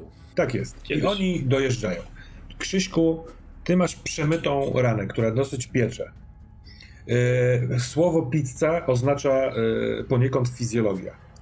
I przez całą barierę narkotyków, którymi się napompowałeś przez noc i dzisiejszego dnia, przechodzi wycie twojego organizmu, bo ty nie jadłeś od wczorajszego wieczoru. Yy, jesteś potężnie głodny, a z tą fizjologią pojawia się następna fizjologia. Ze spaniem też było słabo, więc o ile adrenalina i kokainy, resztki kokainy jeszcze się u ciebie utrzymują, to myśl o spaniu sprawia, że zaczyna ci być bardzo zimno. Czy odczuwasz dreszcze i masz tą kreskę tutaj, ale wiesz też, bo jesteś mądrym człowiekiem, że jeżeli zażyjesz kokainy, a on będzie cię szył, to spotęgowany będzie tylko i wyłącznie wrażenie ewentualnego bólu, chyba że będziesz na jakichś e, środkach. Więc Remi i Dominik przychodzą, a ja potrzebuję od ciebie decyzji, czy bierzesz, czy nie bierzesz. E, to może na razie się powstrzymuję, Mhm. Dobra. zdając sobie sprawę, że mogę zasnąć. To zróbmy tak. Mamy czwórkę, cztery postaci. Yy, pizza w międzyczasie się do, dojdzie, więc sobie więc życzę wam smacznego, a wy porozmawiajcie, co macie do porozmawiania. W ogóle jak e, wchodzimy właśnie od razu, to e, ja idę z tym pudełkiem i jak widzę e, doktora, to rzucam taki zdenerwowany w twoją stronę, mówię zabieraj to gówno ode mnie. Biorę. ja w tym czasie podchodzę do Krzyśka blisko. On jest jeszcze nafukany? W sensie widać po nim, że jest naćpany, czy już mu schodzi? Jak to jest teraz? Nie, no na- pewno widać jeszcze po nim, że jest albo przed chwilką był. No, y, y, ta akcja w domku na działce parę godzin temu, dwie czy trzy, on tam wciągnął bardzo, bardzo dużo. Natomiast on jest, to jest, to jest połamany, rozedrgany człowiek. No, nie? Ma dwie wielkie sznyty na policzku. Y, Tylko, że czyściutki jest i pachnie szamponem. Spoko. Więc jak podchodzę do Krzyśka, łapię go za ramiona i mówię do niego... Ej, ej, ej, ej. Co jest? Przepraszam. Przepraszam cię, Krzychu, za to, co się wydarzyło w domku. Kurwa. Lepiej powiedz, co tam się działo, bo ja już naprawdę... Co to, co to były za jakieś... To Gdzie ty mi powiedz, co się działo i gdzie się, kurwa, zapadłeś pod ziemię. Co to było? No, dosłownie się zapadłem pod ziemię. Popadłem, skoczyłem, dziur, dziura się zrobiła w ziemi, ja w nią skoczyłem, bo ten skurwysyn za mną gonił, a on skoczył tam za mną. Potem, potem mnie gonił po jakichś kanałach. Nie wiedziałem, jak stąd wyjść. Kurde. Ale ja myślałem, że po prostu, że jestem tak naćpany, że... Ale ty mówisz, że to, że to wszystko było. No, Robert też mówi, że to wszystko było. Robert, Robert, Robert Robert tu się pojawił się w kanałach nagle, nie wiadomo skąd. No my tu mamy w ogóle duet znikających. Może właśnie wyjaśnicie, co się Panowie, działo. właśnie, to, co, A, a ty Dominik, a Co ty co robiłeś? Ja- Co ty robiłeś po nocy? napiłem się No, i i wyszedłem i gdzieś wlazłem do tych kanałów, czy co? Powiedziałeś, że idziesz i poszedłeś, zniknąłeś, idąc w stronę stolika. Remi też to widziałeś, prawda? Tak, zrobić dokładnie to samo, co Krzysiek. Czyli... Ale poczekaj, poczekajcie, y, naćpany to może byłem ja, ale wy chyba nie, ludzie nie znikają. Też tak myślałem jeszcze dzisiaj rano. Okazuje się, że jednak znikają. Się pojawiają na wrzeszczu. A wy macie do tego dryk. Więc dobrze by Właśnie, było, jakbyście wyjaśnili. A propos znikania i pojawiania się, co ty robiłeś po nocy na, na z działkach? jakiejś pieprzonej studzienki. Chwila, moment, bo wy cały czas gadacie naraz. E, może po prostu jakoś e, wszyscy się uspokójmy, usiądźmy. Widzę, co pizza jest, tak? No to Tak, tak, Zgotujcie się. Robert co mówił. ja na razie nie mam w ogóle do tego głowy, żeby mam za mocno ściśnięty żołądek, ale po prostu to wyjedźcie, gadajmy. E, Tylko po kolei, może nie wiem. e, Pytanie od Krzyśka, tak? Krzysiek pytałeś o coś. Tak. Co ty robiłeś w nocy na działkach? My chodziliśmy po jakichś kanałach, jakaś Beata, jakieś pudełko miałeś. Robert pytał o to pudełko, weź, weź wytłumacz, bo Uwierz Skąd mi, że ja, ja biorę ten plecak, skąd ja mam to w plecaku, pokazuję, nie? To jest twoje? Przecież tu miałem dragi dla Remka. Dla Remka Tak. czy dla Maxa, bo już... Nie, już dla Maxa, dla. Maxa. To Dla było Maxa. Tu faktycznie miałem dragi w plecaku. A teraz Twoje jakieś- dragi jakieś były u papiery, mnie. jakieś- twoje dragi to były u mnie, te mi te papiery dragi? trafiły tu. Jeszcze- To są twoje papiery? No może tak, Krzysiek, a pamiętasz dobrze, co się wtedy działo? Bo ja osobiście nie, nie za dobrze. Dużo mi się już przypomniało, ale zakładam, że jeżeli ty właśnie nie kojarzysz, jak twoje dragi znalazły się u mnie, a moje papiery, powiedzmy moje papiery, bo ja nie wiem do końca, co to są za papiery, były u ciebie, e, to jesteśmy w tym samym punkcie, no nie? Mamy ten Ja nie wiem, ja, ja, ja pamiętam, że to ty robiłeś wrażenie, jakbyś wiedział, co się dzieje. To ty rozmawiałeś z tą Beatą, to ty wiedziałeś, gdzie idziemy. Ja, ja w ogóle nic nie wiedziałem. Najgorsze w tym wszystkim... papiery. kanałów. Jakie papiery ty tam masz?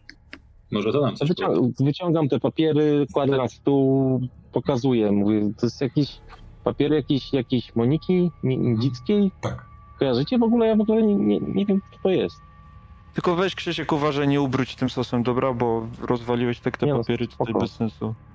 Kojarzyć to jakby no prywatnie, osobiście jej nie kojarzycie. Yy, Myślę sobie, że tak jak yy, najbardziej wygląda mi na człowieka, który ewentualnie czyta gazety, pan doktor yy, Ostrowski, może ty yy, student, Yy, ale to jest nieistotne, bo ona nie jest jakąś tam słynną osobą, ale rzeczywiście pojawił się ten artykuł o niej, mieszkanka gdańska, pracownica, właśnie animator kultury, a potem też zarządzająca tym domem kultury na Słuchaninie i to jest zestaw memorabiliów jej.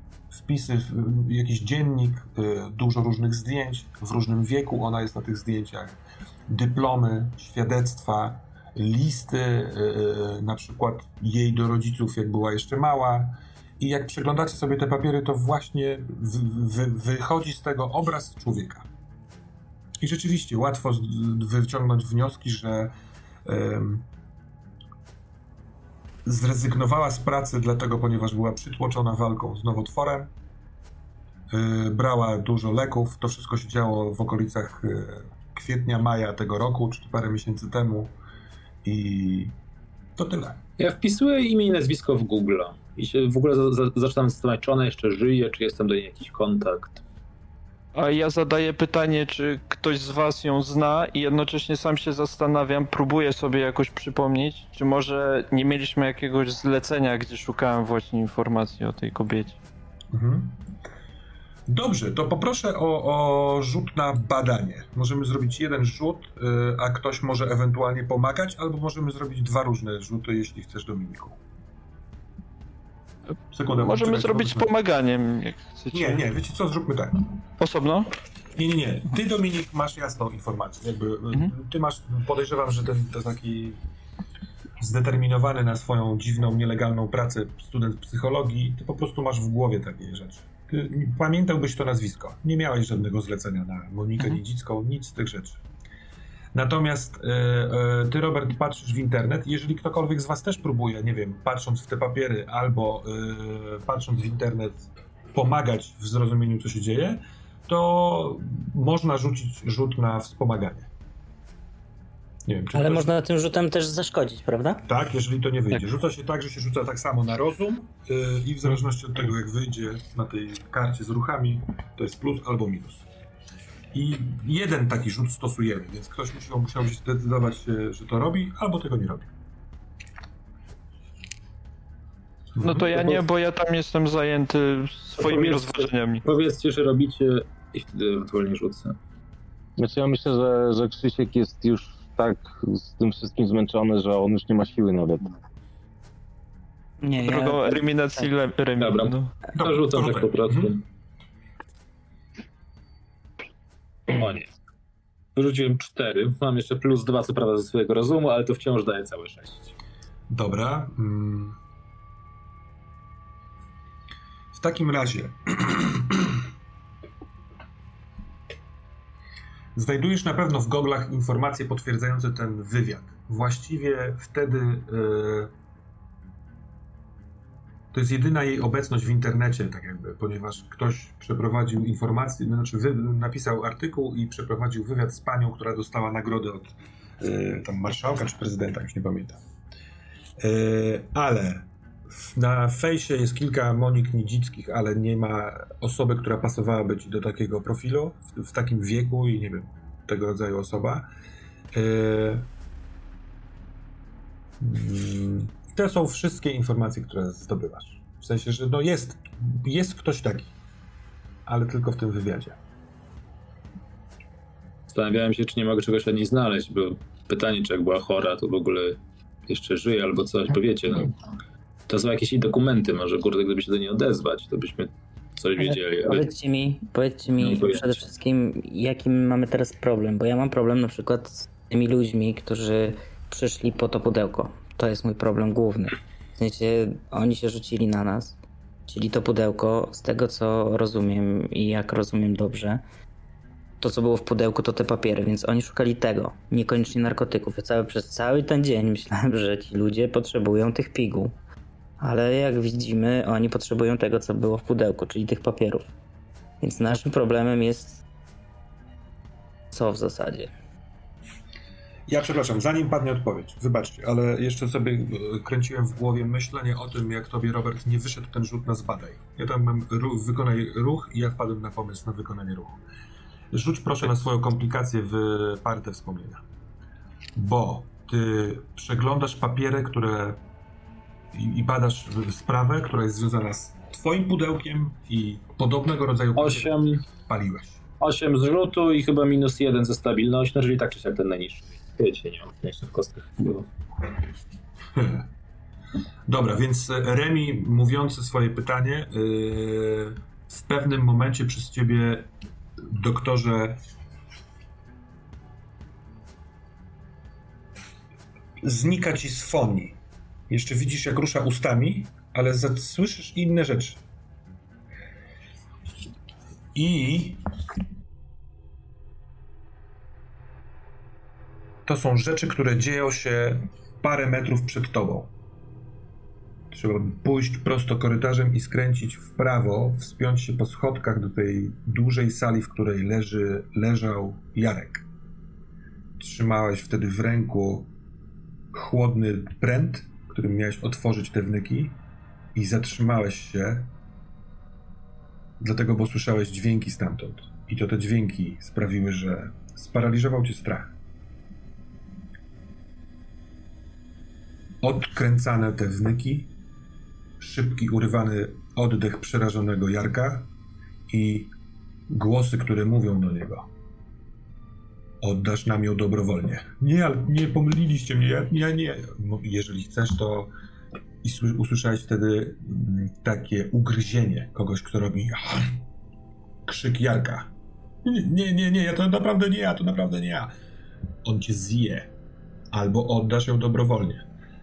To były bardzo poważne głosy, niosły się echem. Ty stałeś i miałeś kilka metrów do tego, żeby wbiec, ale ilość tych głosów i sposób, rodzaj tego, o czym mówili, wtedy sparaliżował cię i wy, dlatego wyciął to wspomnienie.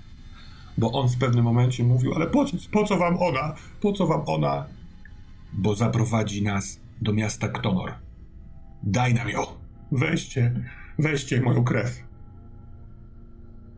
To, co jeszcze usłyszałeś, to chlast, przecięcie czegoś, krzyk Jarka znowu i kogoś, kto zaczął um, śpiewać, ale bez słów. Mam rotać jakiś takie, taki dziwny śpiew i po paru sekundach te wszystkie dźwięki znikły. Jeszcze docierało do, twojego, do ciebie, możliwe, że dlatego byłeś niesamowicie przestraszony, echo krzyku Jarka, krzyku z bólu. I dopiero po kilku chwilach, kiedy trochę się uspokoiłeś i się upewniłeś, że tam już jest cisza, poszedłeś i zobaczyłeś, że rzeczywiście wnyki są otwarte, kałuża krwi, a jego tam nie było. Może mogłeś tam pójść, może mogłeś zawołać o pomoc albo krzyknąć, ale nie zrobiłeś tego wtedy. Wyszedłeś jak najszybciej do tego miejsca, które on ci wcześniej wskazał. Wyszedłeś na zewnątrz, do ogniska, które już dogasało. Pamiętasz, że nie było tam tego pudełka, ale wtedy chyba nawet o tym nie myślałeś.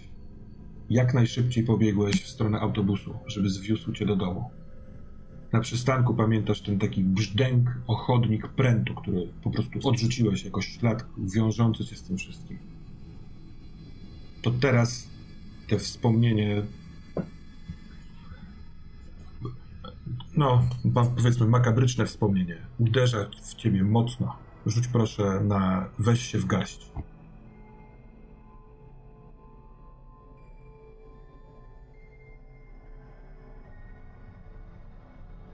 11 i to jest plus siła woli. Tak. 13. To w takim wypadku to wspomnienie wywoła w tobie jakąś reakcję, spójrz sobie na wyniki i wymyśl to, a Krzysiek i Dominik słyszeliście pytanie Remka dotyczące tego, jaki jest problem, bo dla niego problemem są ci dziwni ludzie i co wy na to? No, odpowiadając Remi na twoje pytanie, to myślę, że problemem jest fakt posiadania tego pudełka i w sumie jego zawartości przede wszystkim. E, I w tym wszystkim wygląda na to, że skoro nawet pofatygowali się do mieszkania, w którym żyję, no to e, ja też mogę być problemem, bo ewidentnie szukają mnie. Licząc, że będę miał to ze sobą, to czego szukają. Kim oni w ogóle są? Co to są za ludzie? To są. Znaczy, oni wyglądali mi totalnie na naćpanych. Wiesz. Dla mnie też. Wszyscy wiemy, co tam się wydarzyło, bo wszyscy tam byliśmy, więc grając w otwarte karty, ja do nich strzelałem, oni do końca kumali, co tam się dzieje. Ty, doktor, co ci jest? Muszę. Muszę tam wrócić. Gdzie wrócić? Dobrze ty się czujesz? Tam, pod ziemię. Teraz? A kiedy? Ile jeszcze mamy czekać? O, może spróbujemy w ogóle jakoś Tam poskładać to ktoś wszystko do zginął, kupy. tam... Tam może być mój brat.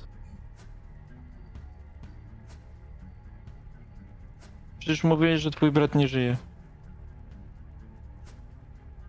Dobra, co jest w tych kanałach? Co wy tam widzieliście takiego jeszcze oprócz standardowych kanałów? Ja widziałem jakąś dziewczynę, Krzysiek zresztą też wtedy ze mną był, Beatę. Wyglądała dziwnie, w ogóle jakby tam żyła, nawet tak w sumie deklarowała. Jakaś poszarpana taka su- suknia. Ja spotkałem jakiegoś chłopaka tam, też tam żył, ale jakieś jakieś istoty tam piły jego krew, chciały, żeby to go gdzieś doprowadziło do jakiegoś miasta Ktonor. Boże, pojęcie nie. No, ale i- jakie istoty? W sensie Nie widziałem ich, ale zwierzęta ugryzły. jakieś? mówiły. To było teraz, jak Słuchajcie, ja to, zniknąłeś? I byłeś w tych kanałach? To teraz się wydarzyło? Czy wcześniej?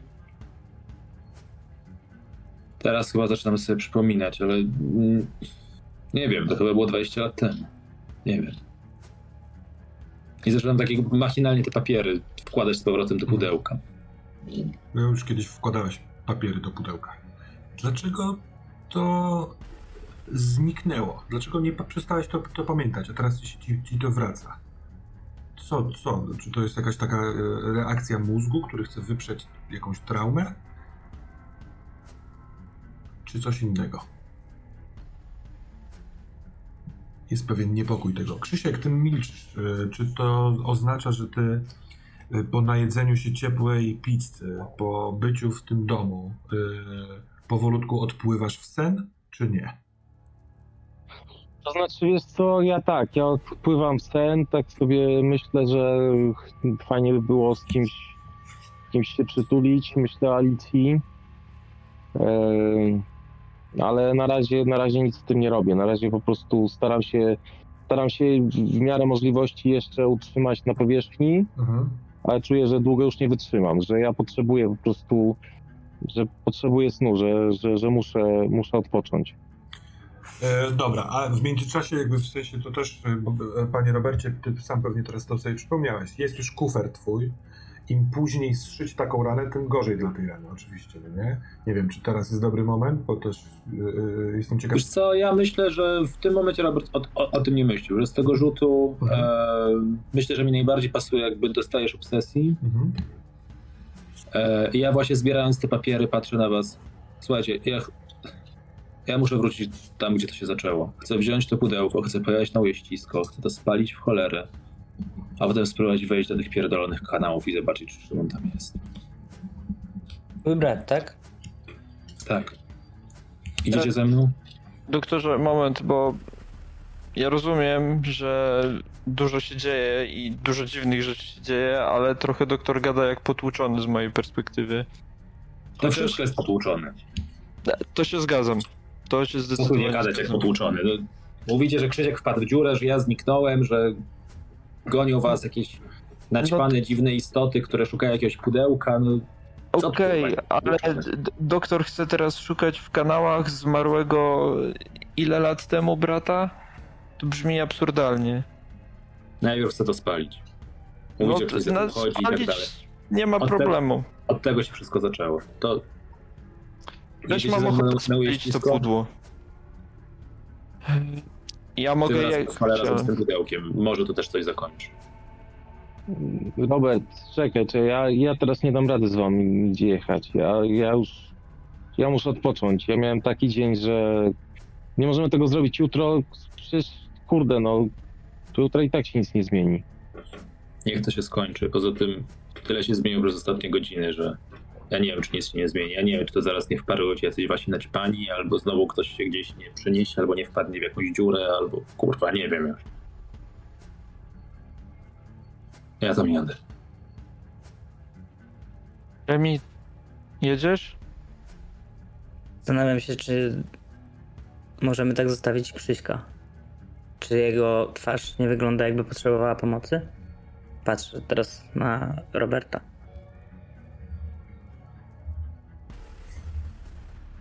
Nie rozumiem twoją chęć wyjaśnienia tego. Ja też mam dzień z kategorii tych do dupy razy 500, ale To był wieczór. Jak chcę to powtórzyć, nie mogę czekać do rana. Dobra, ale nie, moment. Yy, doktorze, faktycznie trzeba pomóc Krzyśkowi. Trzeba pomóc, pomóc Krzyśkowi, no. Nie wiem, ewentualnie jak doktor chce to przyspieszyć, yy, bo tutaj przyjechaliście autem, czy jak się tu znaleźliście u Krzyśka? Nie, to Uberem myślę. Eee, dobra. Eee, myślałem, że Słuchajcie, po ja, prostu... się, ja się i tak teraz na tym nie skupię. Te, te szramy są spięte stripami, to powinno chociaż trochę wytrzymać. Dobrze, myślę, że jakby domykam to pudełko, biorę je pod pachę i idę do korytarza wiązać buty. To w takim wypadku.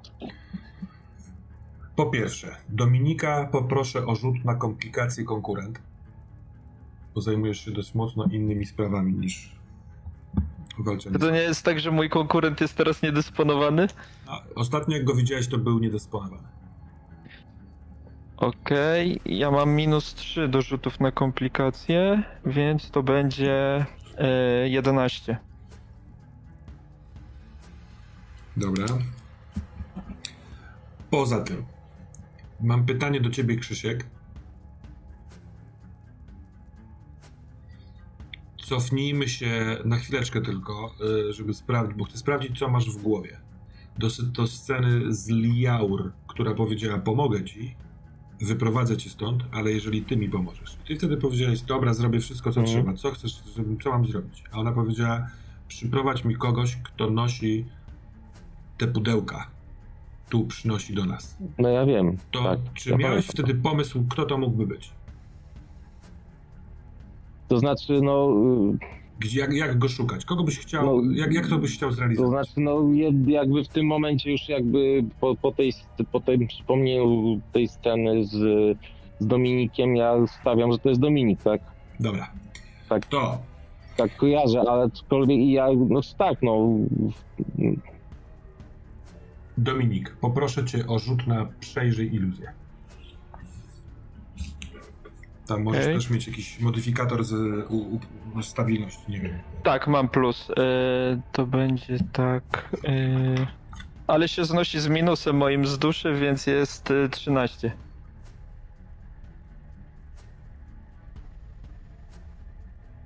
Dobra.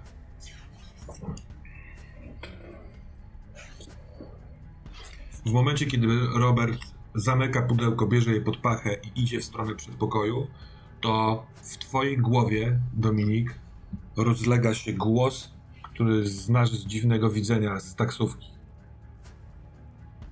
Dominiku, przynieś na miejsce moje pudełko. Inaczej złamiesz umowę. I jeśli nie chcesz wziąć pudełka, które musisz zawieźć do określonego miejsca, to musisz rzucić na weź się w garść, żeby się powstrzymać. Chyba, że po prostu idziesz po te pudełko. Ej, to na pewno gdzieś tam zimny pot mnie oblewa, bo to jest bardzo zaskakujące i przerażające, e, ale będę próbował, jako że mam silną potrzebę zniszczenia, co mówiłem, tego pudełka, to będę próbował z tym walczyć. To rzuć na weź się w garść.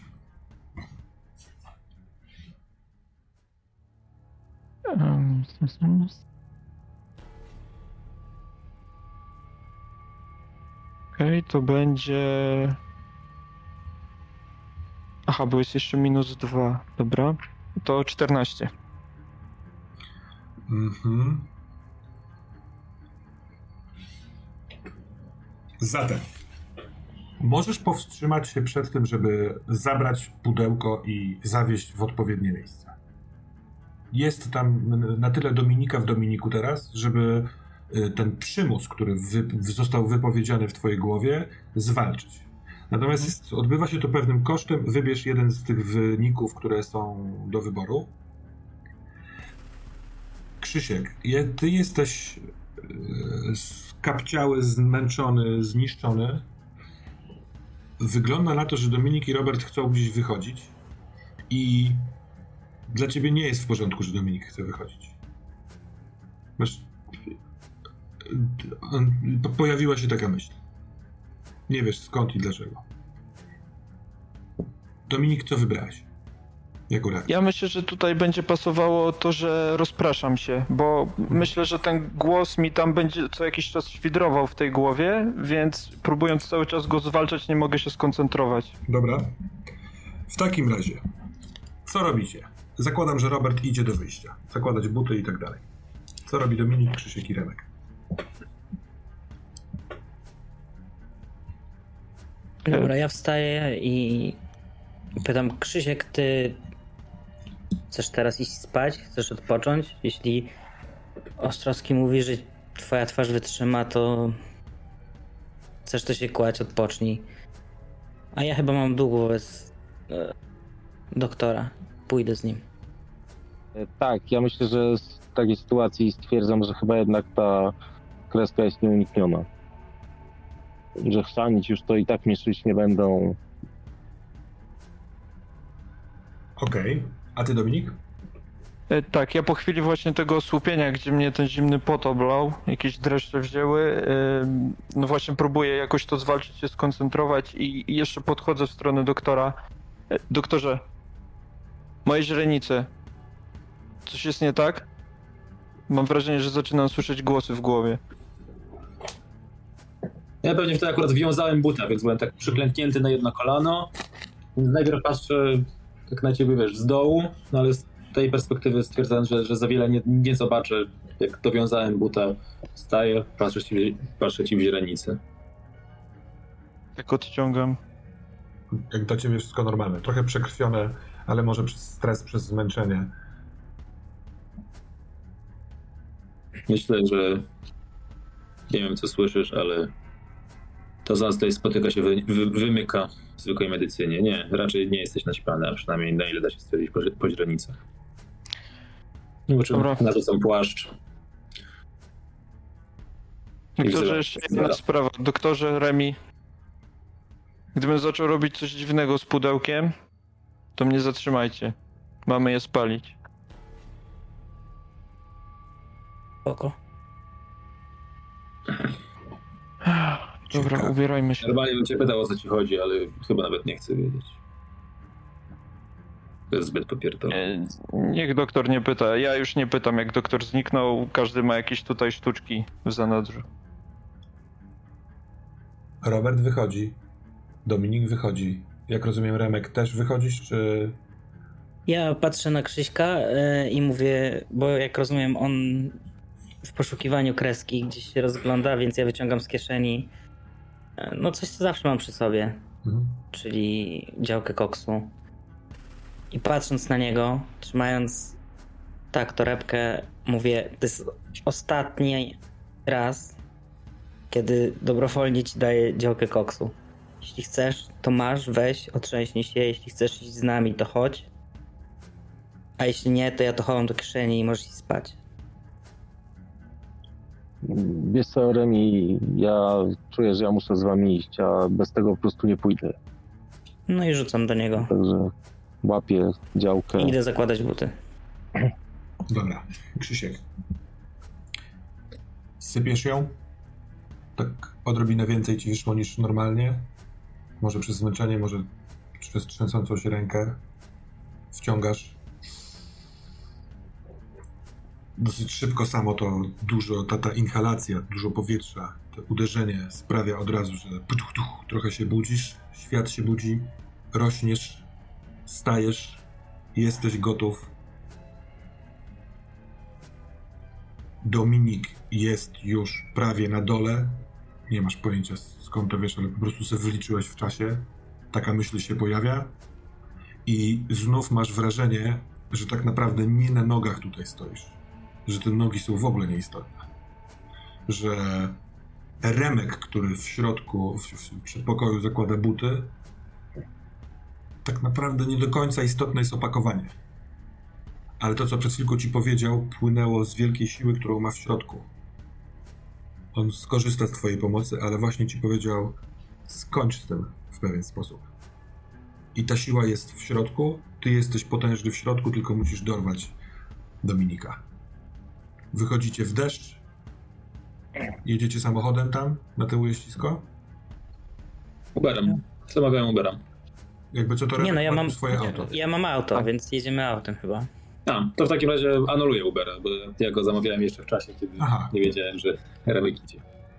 Jedzie samochód yy, wieczorną porą. Oczywiście na tyle wczesno wieczorną, że samochodów jest pełno na ulicach Brzeszcza. Yy, nie ustaje ten deszcz. Jest pełno wody na ulicach, te studzienki się już nie wyrabiają. Ho, studzienki. Do tej pory były czymś innym niż yy, dzisiaj podczas tej drogi są. Jak rozumiem, jest w samochodzie oprócz waszej czwórki yy, pudełko wypchane rzeczami dotyczącymi Moniki Nidzickiej. Tak? Tym razem u mnie na kolanach. Dobra. Eee, albo to, towar Remka, który wrzuciłeś sobie do nosa Krzysiek, jest e, jakimś złotem, albo może to to zmęczenie, może to seri, prawo serii, bo ty jesteś na długim ciągu już. Masz srogą jazdę. Raz, że y, wszystko się w tobie zaciska, rozluźnia, zaciska, rozluźnia, co jest bardziej przyjemne niż nieprzyjemne to chciałbym, żebyś rzucił na przejrze iluzję.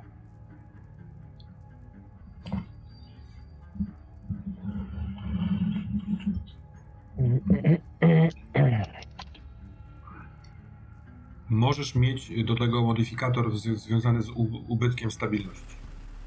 Więc na Czyli to jest tak, yy, to jest 15 plus dusza, tak? Mhm. Dusza. Dusza, to jest tak, to jest 17 i minus 2, tak, za ten, czyli, czyli 15.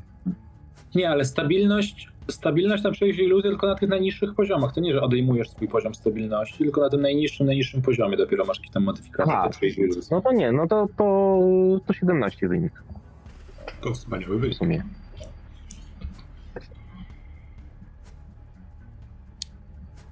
Mm, Kiedy ten samochód jedzie, to dla ciebie, skupiającego uwagę na głosach, na tych ludziach, z którymi jedziesz, e, obraz za szybami rozmywa się. Te lampy, latarnie, światła samochodów po prostu tworzą, że na szybach takie smugi i poświaty, bo nie to jest istotne. Istotne jest pudełko, które leży na kolanach doktora Roberta. To pudełko ma na sobie bardzo dużo y, znaków, które wydaje ci się wcześniej, wcześniej ich nie widziałeś. To są tak jakby takie kanji, japońskie litery od góry do dołu, ciągi znaczków jeden pod drugim, parę centymetrów przerwy i znowu od góry na dół znaczki. I jesteś absolutnie pewien, że one są, one są ważne. Yy, chyba są napisane czymś albo namalowane, może jakąś farbą, y, czymś wyjątkowym przez jakiegoś artystę kaligrafa. Tak to wygląda. To wszystko jest bardzo ładne i, i takie y, rzemieślnicze. I Robert, który coś tam mówi do kogoś, y, on w ogóle sobie nie zdaje z tego sprawy. A przede wszystkim masz wrażenie, że Dominik co jakiś czas patrzy w stronę tego pudełka. Albo mm, nie wie, że patrzy. Natomiast na mm, kiedy spoglądasz na tego Dominika, który przykuł ci uwagę, że się interesuje tym pudełkiem, to widzisz, że na jego oczach, na białkach, po lewej i prawej stronie źrenicy jednej i drugiej są namalowane albo wytatuowane takie same malutkie znaczki. On i to pudełko jest ewidentnie są powiązani.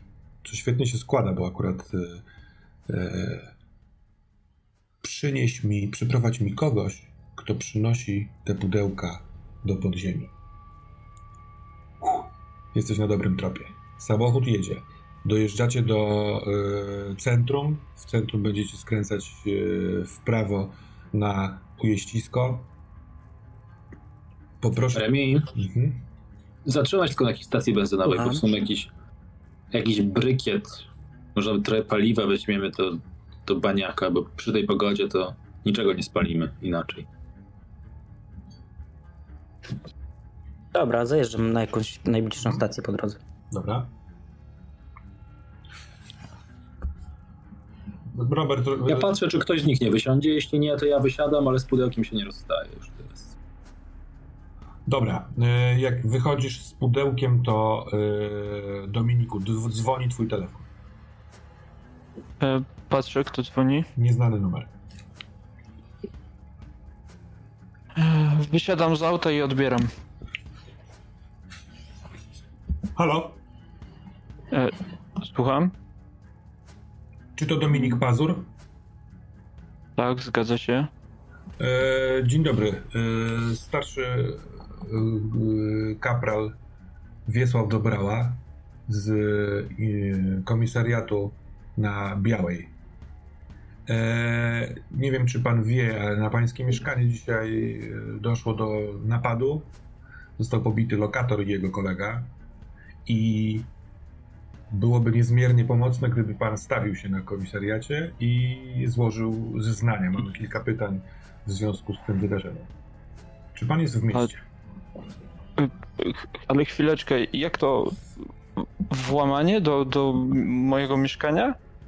Jeszcze nie ustaliliśmy, czy włamanie. Nie do końca pod, mogę też mówić o szczegółach, dopóki nie porozmawiamy z panem. E, No dobrze, ale to... O, o, a chociaż o której godzinie to miało miejsce? Czy to ma w- znaczenie w związku z tym, że mógłby pan się stawić na białej i do, dowiedzieć się wszystkiego? Z pierwszej E, ręki? nie, to, to po prostu z ciekawości. E, tak, tylko e, e, niestety dzisiaj już nie jestem w stanie. E, jutro? Może być? Oczywiście, może być jutro. A czy pan jest w ogóle w mieście? E, aktualnie nie. Mhm. Dobrze. To o której pan jutro będzie? E, 13? 13. To dosyć późno. Rano by się nie dało. Dwie osoby leżą w szpitalu i możliwe, że napastnicy, których nie, nie, nie złapaliśmy, yy, rozumie pan, mogą zrobić więcej złego. Chyba, że pan akurat jest yy, w zgodzie z tym, co oni robili. Nie, nie jestem w zgodzie. E, e, Przepraszam, ale w jakim stanie jest mój współlokator? Nie mogę udzielić tej informacji. Będę mógł jej udzielić, jeżeli pana przesłucham na komisariacie. A jeśli mogę spytać, dlaczego nie jest mi pan w stanie teraz udzielić tej odpowiedzi? Hmm. Będziesz grał cwaniaka? Co? Mamy twój komputer. Mamy zeznanie Radosława Majewskiego. I co pan na to powie, panie Pazur? Może jednak wpadnie pan do mnie na komisariat dzisiaj. Im szybciej pan złoży zeznania, tym yy, bardziej przychylnie będzie patrzył na to sędzia. Dzisiaj nie dam rady. Tak jak mówiłem, mogę stawić się jutro. Mówi pan przyjaciel? Ten współlokator? Tak. No miejmy nadzieję, że jutro jeszcze będzie wśród nas, żeby po przesłuchaniu mógł pan ewentualnie się z nim zobaczyć.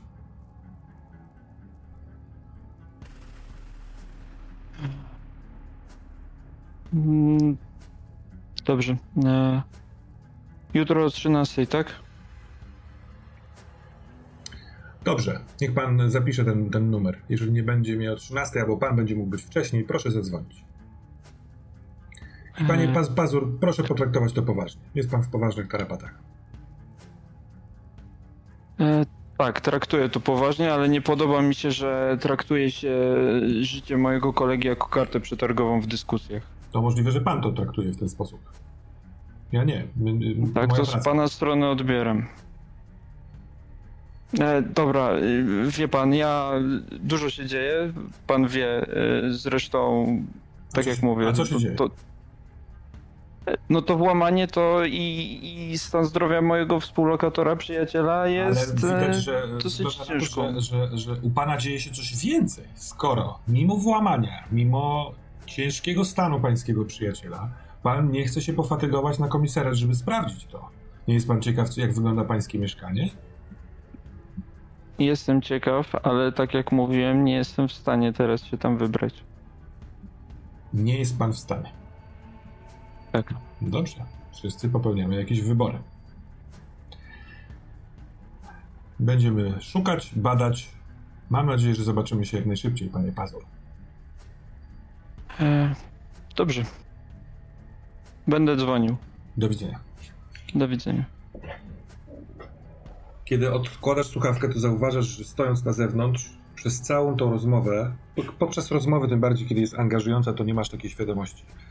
Cały czas patrzyłeś przez szklane, no wiesz, ścianę i drzwi, okna na niosącego twoje pudełko Roberta Ostrowskiego. Ale teraz on już po zakupach wychodzi. Cokolwiek tam chciałeś kupić, Robert, kupiłeś. Yy, czy w międzyczasie... Pakiet kanister benzyny. Coś do rozpalania. Czy w międzyczasie Remi i Krzysiek w samochodzie coś, czy jedziemy dalej? Ja myślę, że w międzyczasie Nie no, wyszedłem i zatankowałem auto i możemy jechać. Ja tylko jeszcze chciałbym zadeklarować, że telefon wyłączam. Mhm. E, nie wiem, czy mam igiełkę i tak dalej, ale bym kartę SIM wyciągnął na razie. Czy masz igiełkę? To ja też tego nie wiem, ale sądzę, że w, No. w samochodzie Remiego na pewno znajdzie się igła.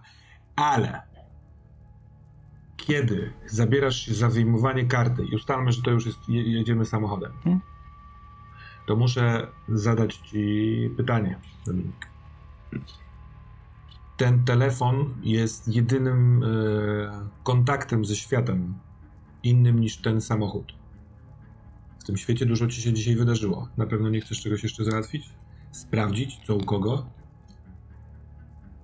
Mieć tę, tą kartę w razie, gdyby ktoś dzwonił? To jest bardzo trudne pytanie i teraz e, ogólnie jestem w takiej sytuacji, szczególnie właśnie po tej rozmowie, gdzie już e, ten domek z kart mi się kompletnie posypał, że mm, liczę się z tym, że, że podejmuję radykalne decyzje e, i trochę na to nie zważam, więc mimo wszystko wyciągam tę kartę, stwierdzając, że pewnie jak y, tutaj serii dotychczasowych decyzji będę żałował później. Na razie w mojej ocenie jest to Dobra. powiedzmy zasadny wybór. Okej, wyjmujesz tę kartę i ostatni raz słyszysz głos w głowie, tak jak przed chwilką ci zadawał pytania. Ciekawy jestem. Czy jesteś gotów, by udźwignąć koszt twojej decyzji? Bo dobrze wiesz, powinniście skręcić w prawo. Samochód jedzie prosto, prosto na ujeździsko. W prawo, na kartuską, nie wiesz, dokąd miałbyś jechać. Yy, przepraszam, nie na kartuską, tylko jak się nazywa ta skrętna słuchanina? Nieistotne. Remi, skręć w prawo. Skręć w prawo. Patrzę na niego, jadę prosto dalej. Tędy nie. Dlaczego? To nie jest dobra droga. No właśnie to jest... A, powinniśmy byli skręcić w prawo. Przejechaliście Ale- ten skręt. Jak gdzie indziej paliłem te rzeczy. Tam, dalej prosto. Powinniśmy byli jechać w prawo. To są jakieś roboty drogowe? Nie wiem, o czymś nie wiem, czy... O czym ty mówisz? Krzysiek, absolutnie zafascynowany jak takimi arabeskami na, na ścianie, tymi znaczkami na pudełku. Ze smutkiem dostrzegasz, jak one, tak jakby deszcz padał na to pudełko, zaczynają spływać. Od góry w dół to pismo się rozmazuje, spływa jak brudna taka kałuża i znika gdzieś w spodniach nieświadomego tego Roberta.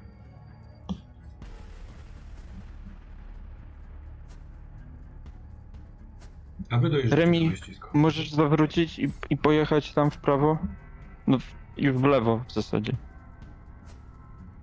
Ale co tam, widziałeś coś tam? Nie wiem, o co ci chodzi? Wytłumacz mi, bo trochę zachowujesz się jakby to był właśnie ten moment, gdzie coś chcesz dziwnego zrobić, więc słucham. Ale Dominik, jak chcesz jechać gdzieś indziej, to ja wezmę Ubera, ale ja z tym pudełkiem będę na ujeździsko. No. Dobra, jedźcie na tu. chciałem tylko... A, jedź prosto. Ujeść Jadę prosto. Eee,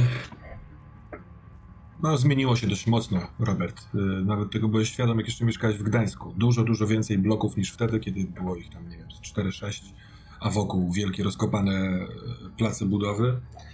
I to miejsce, e, na które bez problemu trafiasz, to już nie jest wydma piasku, na którym można swobodnie rozpalić ognisko. Nie, to jest ulica wewnętrzna pomiędzy blokami.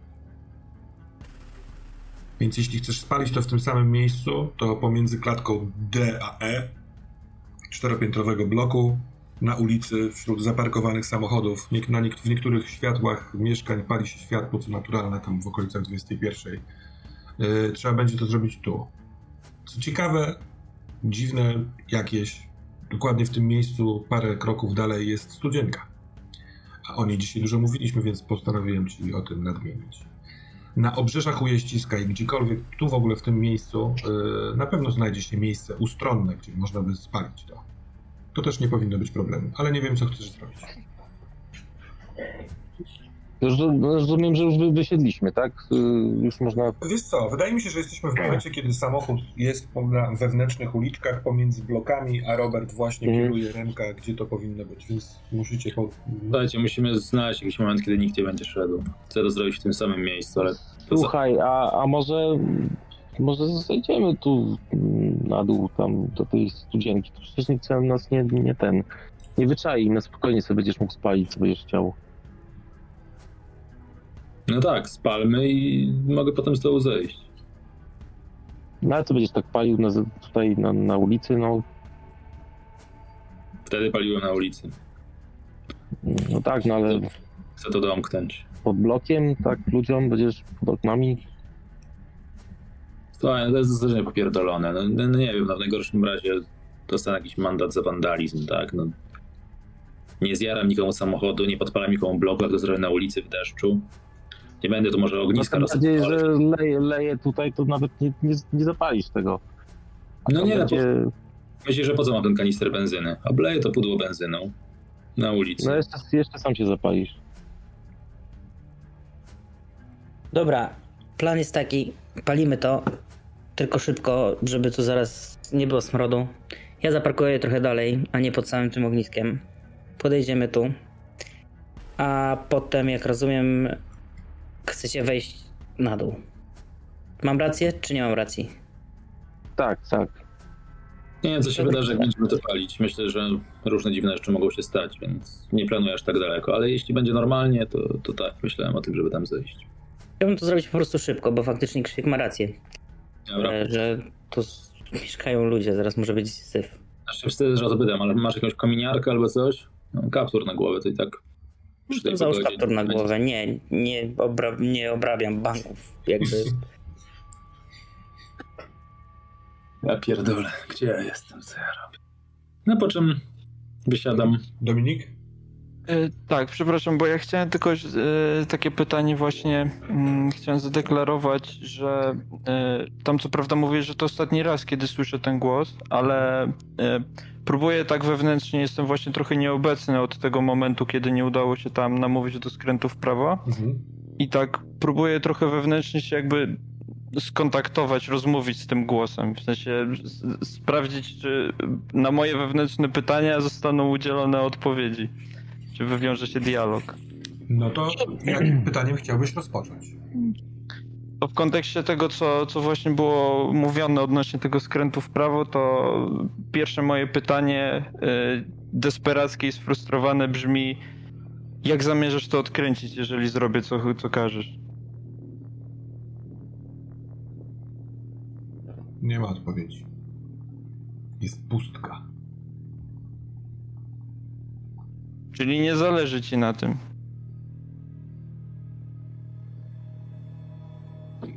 W tej, pust- Znalazłeś kogoś innego na moje miejsce.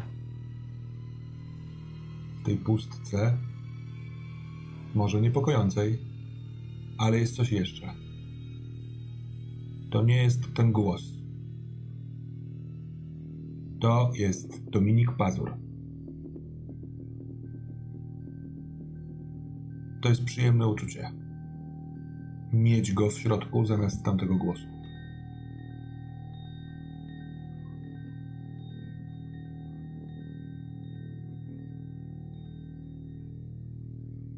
Dobra. Eee, I teraz ja właśnie jakoś łapię ten wewnętrzny spokój po prostu. Gdzieś ucinam właśnie tę próbę kontaktowania się. Eee, traktuję właśnie to jako już zamkniętą próbę pertraktacji. Mhm. Dobra. Robert wysiada. Kto wysiada? Jaka jest akcja? Jak to robimy? Wszyscy siedzą w, w sensie są na zewnątrz, czy ktoś zostaje w samochodzie, bo pada deszcz? Ja wychodzę z samochodu razem z Robertem. Tylko staję, opieram się o samochód i zapalam papierosa. Ja chyba... Nie za bardzo idę w tamte miejsce, wyczekuję mniej więcej takiej chwili, żeby no w oknach, no to mam kaptur na głowie, jest ciemno, więc oknami się nie przejmuję, ale żeby no tu akurat ktoś nie przechodził w danym momencie, po czym kładę to pudełko na ziemi, oblewam je benzyną, Dobra. odsuwam się kawałek. No to, to jakby wykonanie tej, tej czynności chociażby zajmuje chwilkę, tym bardziej, że Jasne. akurat ktoś wychodzi ze śmieciami, albo akurat wjeżdża samochód, żeby zaparkować, patrzy, co tu się Mhm. dzieje, ale olewa. Y, A co ty robisz, Krzysiek? E, ja wysiadam z samochodu, wiesz, ten, w tym momencie już jestem w takim stanie, że ten deszcz zupełnie mi nie, Mhm. nie robi, nie? Że mogę, mogę tam stać godzinę w deszczu. E, mówię, Remek, chodź, idziemy. I Nie, ty chcesz iść, poczekaj. Poczekaj, niech zrobi to, Chodź, niech chodź. spali.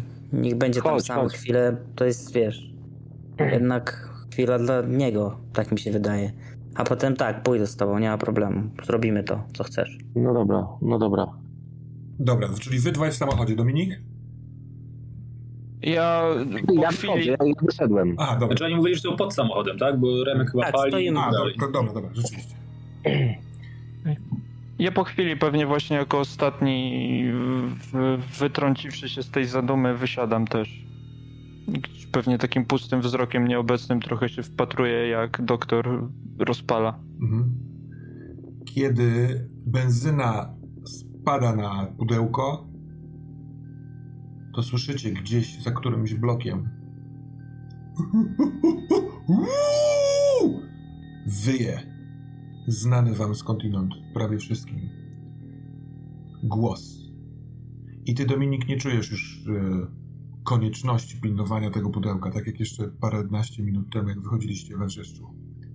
To rzeczywiście się skończyło. Albo jeszcze trwa, bo drugi taki sam głos odpowiada niedaleko, gdzieś za innym blokiem. Pudełko już jest oblane benzyną. No to ja też słysząc to i znając historię, podpalam czym prędzej. Mhm. Natomiast myślę, że, że paręnaście sekund stoję. Stoję, patrzę, żeby to naprawdę zapłonęło. Bo na początku taki, tylko tak... Chciałem, żeby to była chwila wyciszenia, chciałem, żeby to była chwila jakiejś zadumy, ale jakby ten, ten, te dźwięki mnie, mnie trochę z tego wybiły, ale jeszcze w momencie, w którym pierwsze płomienie co odejmą, obejmą, mówię takim dość głośnym tonem, odpoczywaj w pokoju, bracie. Mhm. Więc na początku bryła pudełka oblewa się takim niebieskim, jakby płynnym ogniem. Ten deszcz kapiący rozbija się o tą barierę niebieskiego gorąca, które z sekundy na sekundę wznosi się płomieniem. I w momencie, kiedy ten płomień się robi większy, przez chwilkę wszyscy widzicie, że na tyle wielki, że sięga ponad pas y, Roberta, aż Robert odruchowo musi zrobić krok w y, tył tej benzyny. Możliwe, że za dużo wyciekło. To ty, Robert, kończysz pod nosem mówić, mówić żeby brat spoczywał w pokoju, ale z, Nawet nie pod nosem, ja to tak myślę, że dość głośno wypowiedziałem. Ale... ale z wnętrza pudełka odpowiada głos niekoniecznie twojego brata. Bo tak jakby w środku ktoś był i właśnie krzyczał. Jest to kobiecy głos drącej się w bólu jakimś, tak się wydaje, bo jest to no, no, aż taki dziki krzyk, wrzask. Macie wrażenie, że wszyscy powinni wyjść z okien tak to jest wielkie i głośne i w pewnym momencie nawet nie trwa to długo. Ten głos e, urywa się, tylko zostaje taki pogłos tego krzyku i słyszycie głos stamtąd dziękuję. I Ulga wydycha powietrze, aż cały ten ogień na pudełku drży. To dziękuję też było głosem kobiety i kiedy to dziękuję zostało wypowiedziane razem z wydmuchiwanym, tylko słyszanym przez was powietrzem ulgi, westchnięciem, to to pudełko zapada się tak jakby ktoś zgniatał puszkę. Razem z nią ogień wsiąka z powrotem i po chwili jest kilka kawałków mokrego papieru z tego pudełka. Mokrego od deszczu, który cały czas pada. Dwie sekundy ciszy. W te dwie sekundy każdego z Was poproszę o rzut na wejście w garść. Co prawda to dziękuję. Trochę os- uspokaja, ale krzyk był przerażający.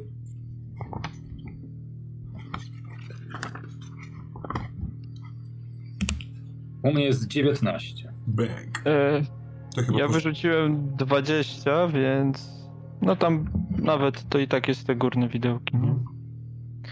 Ja mam tylko takie pytanie, to znaczy, bo tak e, retroaktywnie sobie pomyślałem, e, zanim ten płomień zgasł, e, bo to chwilę trwało, jak rozumiem, w ogóle kiedy się to, to, to pudełko rozpalało, czy to było tak dosyć krótkie w czasie? Jak się rozpalało, to chwilkę to trwało, ale w momencie, Mhm. kiedy Robert powiedział swoje i, i ten płomień wystrzelił, to to trwało parę sekund.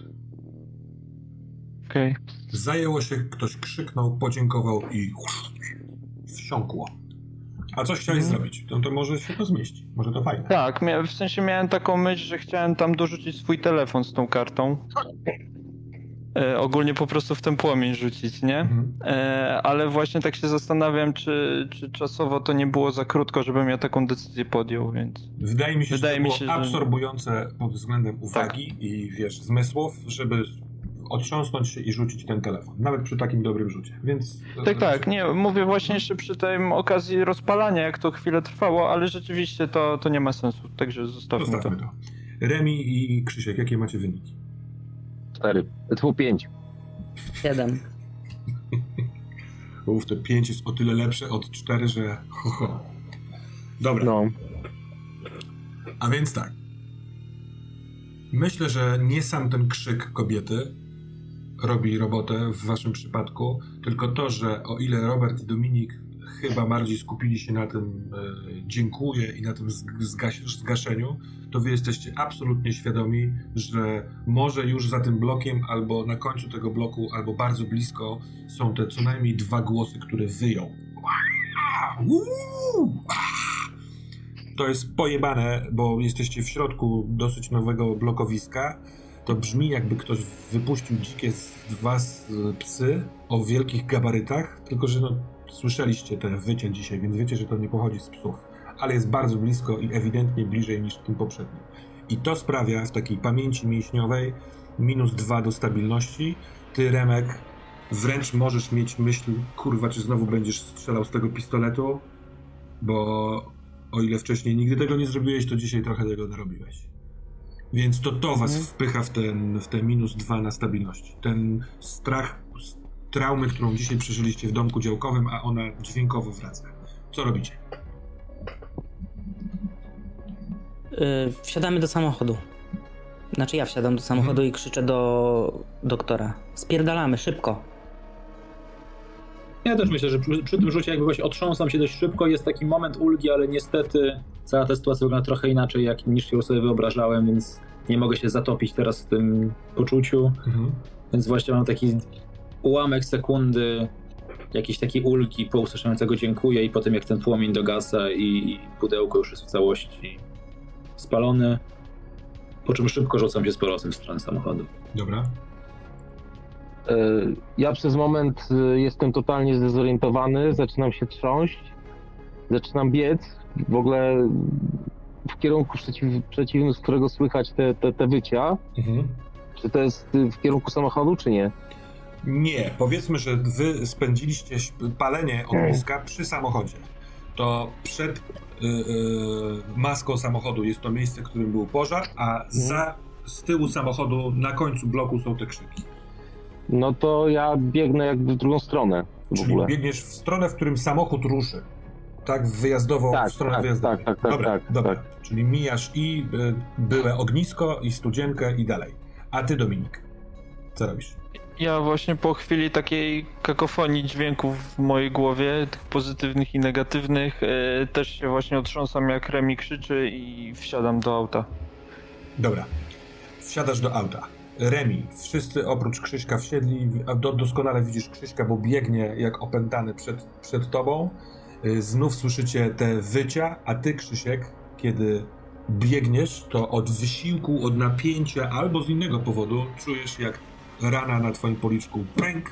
Ten jeden z tych stripów, może dwa, pękają i wiesz, cały jesteś mokry od deszczu, ale wiesz, że tam też jest wilgoć z innego powodu. Krew znowu zaczyna wypływać. Mhm. E, no to ja robię to samo co przed lustrem. Biorę tą krew i zaczynam zlizywać ze swoich palców. Och, dobra. Jak bierzesz y, pierwszy, pierwszego Liza, to słyszysz znów jej głos. Miałeś go przyprowadzić, miałeś go przyprowadzić, miałeś go przyprowadzić.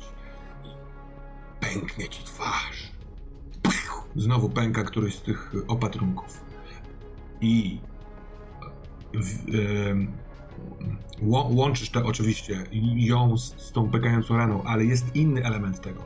Twoja krew jest turbo zajebista w tym stanie koksu i strachu, w którym jesteś. Jest tak świetna jak te kilka, może kilkanaście lat temu w Messerschmittach. Remi, co robisz? Ruszam do, w stronę wyjazdu i chcę na wysokości Krzyśka się zatrzymać. Dobra. Żeby wsi- po prostu wsiadł do samochodu, żeby zobaczył, że to my i żeby wsiadł. Mhm. Więc jak rusza samochód, yy, jak no, pędzisz to za mocno powiedziane, bo to jest wąska, mała taka blokowa Mhm. uliczka, to w, w lusterku z tyłu widzisz, że za bloku rzeczywiście, tam te cztery klatki dalej, wybiega kopia, tylko że wiesz, i inny. Duży mężczyzna w czarnym płaszczu za biodra, yy, z długimi włosami rozchęstanymi i zapierdala takim, wiesz, atletycznym, szybkim biegiem. On nie dogoni samochodu, chyba. Krzysiek, yy, biegnąc, widzisz światła przed sobą na, na, na ulicy, słyszysz samochód, więc w jakimkolwiek amoku jesteś i cokolwiek chcesz zrobić, masz świadomość, ona się przebija do ciebie, że remis z samochodem zaraz będzie przy twoich, przy, przy tobie, możesz wsiadać. Ja myślę, że, że, ta, że ta krew tak mnie trochę, może, no trochę ocuciła. Mhm. Więc y, rozglądam się, patrzę, że rozumiem, że już jadą w moim kierunku, Tak, tak, tak, już więc y, zaczynam, za, zaczynam biec do samochodu i też trochę takim wariackim tym szarpię za klamkę. Mhm. Mówię, kurwa, musimy zejść, musimy zejść do, do, do kanałów, musimy zejść do kanałów. Zabierz nas stąd, musimy gdzieś zejść do kanałów. Dobra, jak, jak zszarpnąłeś i rzeczywiście, wiesz, nie, nie otworzyło się za pierwszym razem, to rzuciłeś okiem i widzisz, kto cię goni, kto was goni. I to jest wielki facet, który w momencie, Mhm. kiedy na niego spojrzałeś i który widzisz, że jak wsiądziesz do samochodu i samochód ruszy, to was straci, robi dziwną rzecz. Opada na cztery ręce na czworaka i z tych przednich rąk Hmm. odbija się naprawdę bardzo, bardzo silnie i leci takim wilkołaczym susem w stronę samochodu. Ty, Remi, świadomy tego, że wiesz, sam, sam zatrzymałeś samochód, żeby Krzysiek wsiadł, on szarpnął ze drzwi, zaczyna coś gadać, to dostrzegasz kątem oka to, że jeżeli teraz nie wsiądziemy i z piskiem o- opon nie ruszymy, to może być trudno. Tak może być trudno, bo ten facet spadł na cztery łapy i napierdala jak jakiś, wiesz, jak, jak prawdziwy pies. Krzysiek, otwierasz drzwi, tokujesz, wsiadasz, czy robisz coś innego na widok tego faceta? Siadam, siadam, siadam. Wsiadasz. Mówię, jedź, kurwa, jedź. Ja go myślę, że nawet go wciągam, właśnie gdy otwierają się te drzwi, to po prostu biorę go za rękę i tak Dobra. Ale Remek, nie czekam aż się zamkną, tylko ruszam w trakcie, nawet jak oni już są w środku. Dobra, to robimy tak. Robert, kiedy wciągasz Krzyśka, to widzisz, że cała ta sytuacja sprawiła, że te stripy popękały i on dosyć obficie krwawi.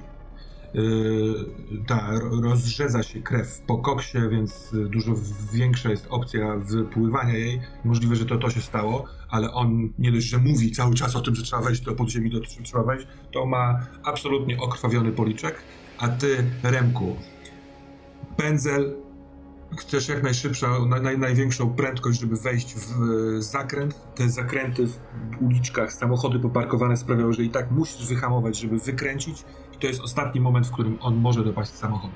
Bo on na tych susach nie zatrzymał się, tylko wyskakuje bardzo mocno, a ciebie proszę o rzut na, weź, na działaj pod presją. Tam się dodaje? Yy, opanowanie. Mm, dobra.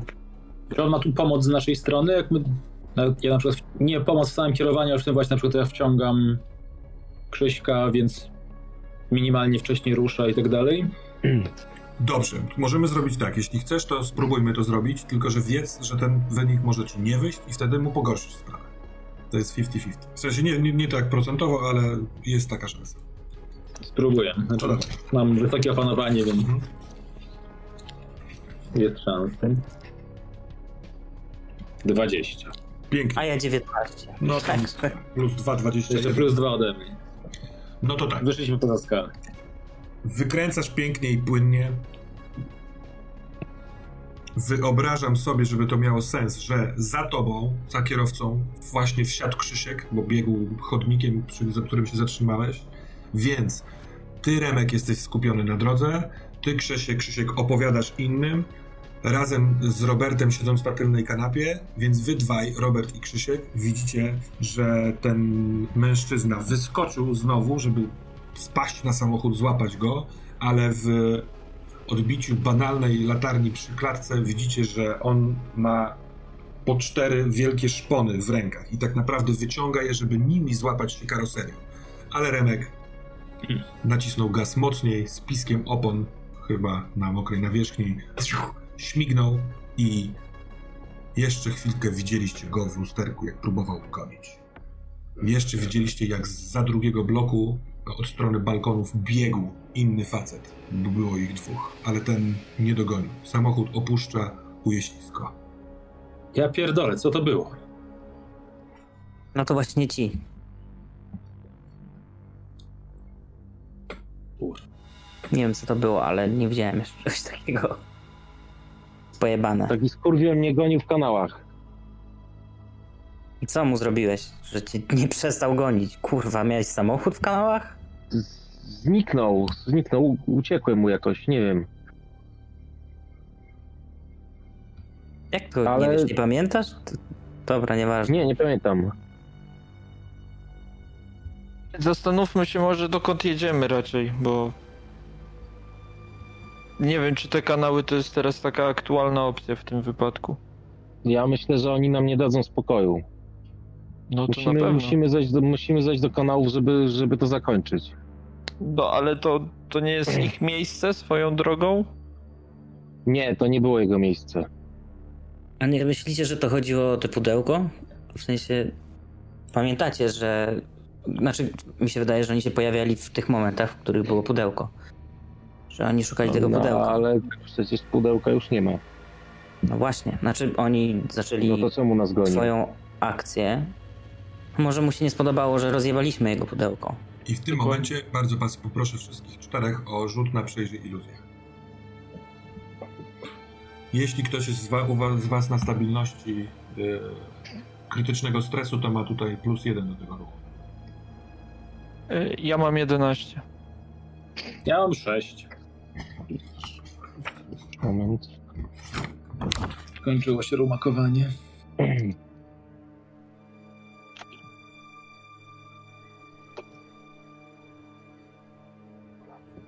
To jest dusza, tak? Mhm. To ja mam niestety tylko 6. Ja mam 15 po odjęciu i dodaniu. Czyli Remi masz 15, Tak. Yy, Krzysiek i Robert macie po na ten najniższy wynik, a ty jesteś Dominik Tak. w środku. Dobra. Tak jest. Dwaj mężczyźni, idąc z dwóch stron bloku, tak jakby chcieli złapać w zasadzkę miejsce, w którym już nikogo nie ma. Są strzępy papierów. Dochodzą, dziko dysząc. Mają pochylone głowy. Patrzą na siebie tak jakby chcieli się zrzucić sobie do gardła raczej, ale są razem. Patrzą w dół i widzą te kawałki mokrego papieru. Hmm, jeden z nich prowadzi tam rękę. Ta ręka jest brudna, brzydka, duża, zgrabiała. Nie ma tych szponów. Te szpony się schowały, odczepiły. Bierze kawałek tych papierów i spogląda na tego drugiego. I ten ktoś inny wie o tym, widzi to ich oczyma. I jest bardzo, bardzo zły. I krzyczy. I kiedy wy wyjeżdżacie z uliczek wewnętrznych, żeby wjechać na taką główną pomiędzy Ujeściskiem a Chełmem, to w środku samochodu rozlega się krzyk. Coraz cichsza, głośniejszy, głośniejszy i głośniejszy. I ty, Dominik, masz wrażenie, że to ty krzyczysz. Oczy cię bolą. Tak jakby ciśnienie cię zaczynało rozwalać. Y, Remi, który siedzisz za kółkiem, od tego hałasu spoglądasz w źródło i rzeczywiście Dominik ma otwarte usta i yy... nie, on nie krzyczy, on tylko zastygł w jakimś takim dziwnym grymasie, zapatrzony przed siebie przez yy, przednią szybę. Ten krzyk nie daje wam spokoju, wibruje w samochodzie, przekuwa wam uszy, a wy widzicie, że świat przed przednią szybą, szybą samochodu Yy, stacja BP, taka odległa, autobus jadący, z prawej strony bloki hełmu, zalewa, yy, zostaną, zostają yy, rozwodnione przez tą deszczówkę, która spływa po szybach. Ale to nie tylko ten deszcz sprawia. To nie, nie to, że zatrzymały się wycieraczki, tylko tak jakby część bloków uchyla się. A ty, Dominik, widzisz dalej, dalej, przez Stare Miasto, aż do Wrzeszcza. I stamtąd dochodzi ten krzyk. Też macie wrażenie, że gdzieś poza samochodem, gdzieś w wielkim mieście, ale nie tu na hełmie, który teraz wygląda tak, jakby nie do końca był hełmem, bo te bloki są powykrzywiane, takie pod skosem, jakby stare i opuszczone. Niektóre mają powybijane szyby bardzo duża taka mm, zębatka, jak, e, trochę jak diabelski młyn. Tylko, że jest to jakaś wielka machina, stoi w miejscu, gdzie była wcześniej stacja benzynowa. Powoli się kręci, zalewana deszczem, napędzając jakieś takie taśmy przyczepione do, do środka tej, do centrum tego, tej zębatki. Te taśmy wchodzą prosto w podziemia, ale to są rzeczy, które uchwytujecie ledwo, ledwo w tym hałasie, bo najważniejsze jest źródło krzyku. I gdzieś tam,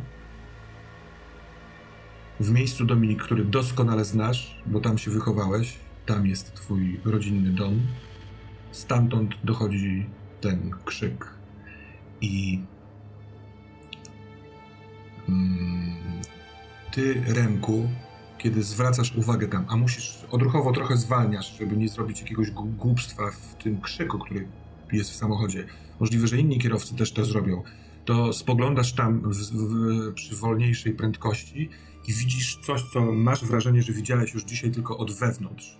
Tam piętrzy się bardzo długa, e, powolutku skośne ściany, żeby styknąć się w, na szczycie.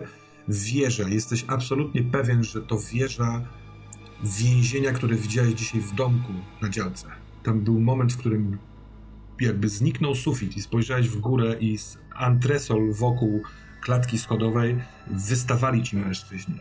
Tam były kraty, tam dobiegały stamtąd krzyki, a teraz widzisz tą wieżę od zewnątrz, ona też ma okratowane niewielkie okna i stamtąd krzyczy ktoś potężnie, potężnie wkurwiony.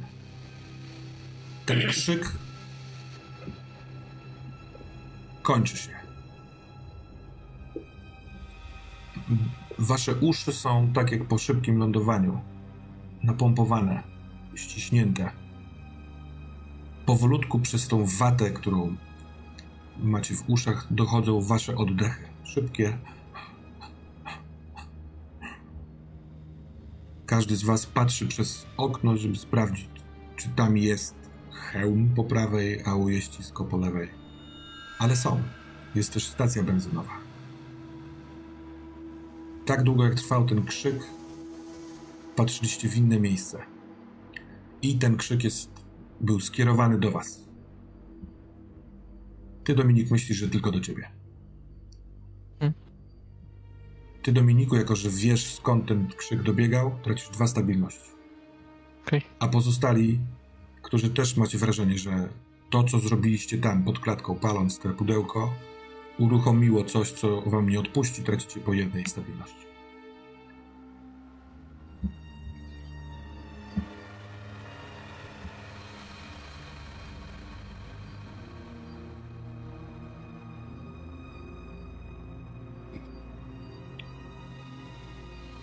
I Krzyśku, od jakiegoś momentu masz, czujesz, że masz rękę przyklejoną do policzka, bo próbowałeś tamować krew i ta krew e, ma kojący, ko, ko, kojące działanie, bo e, przyjemnie chlupocze pomiędzy ręką a policzkiem.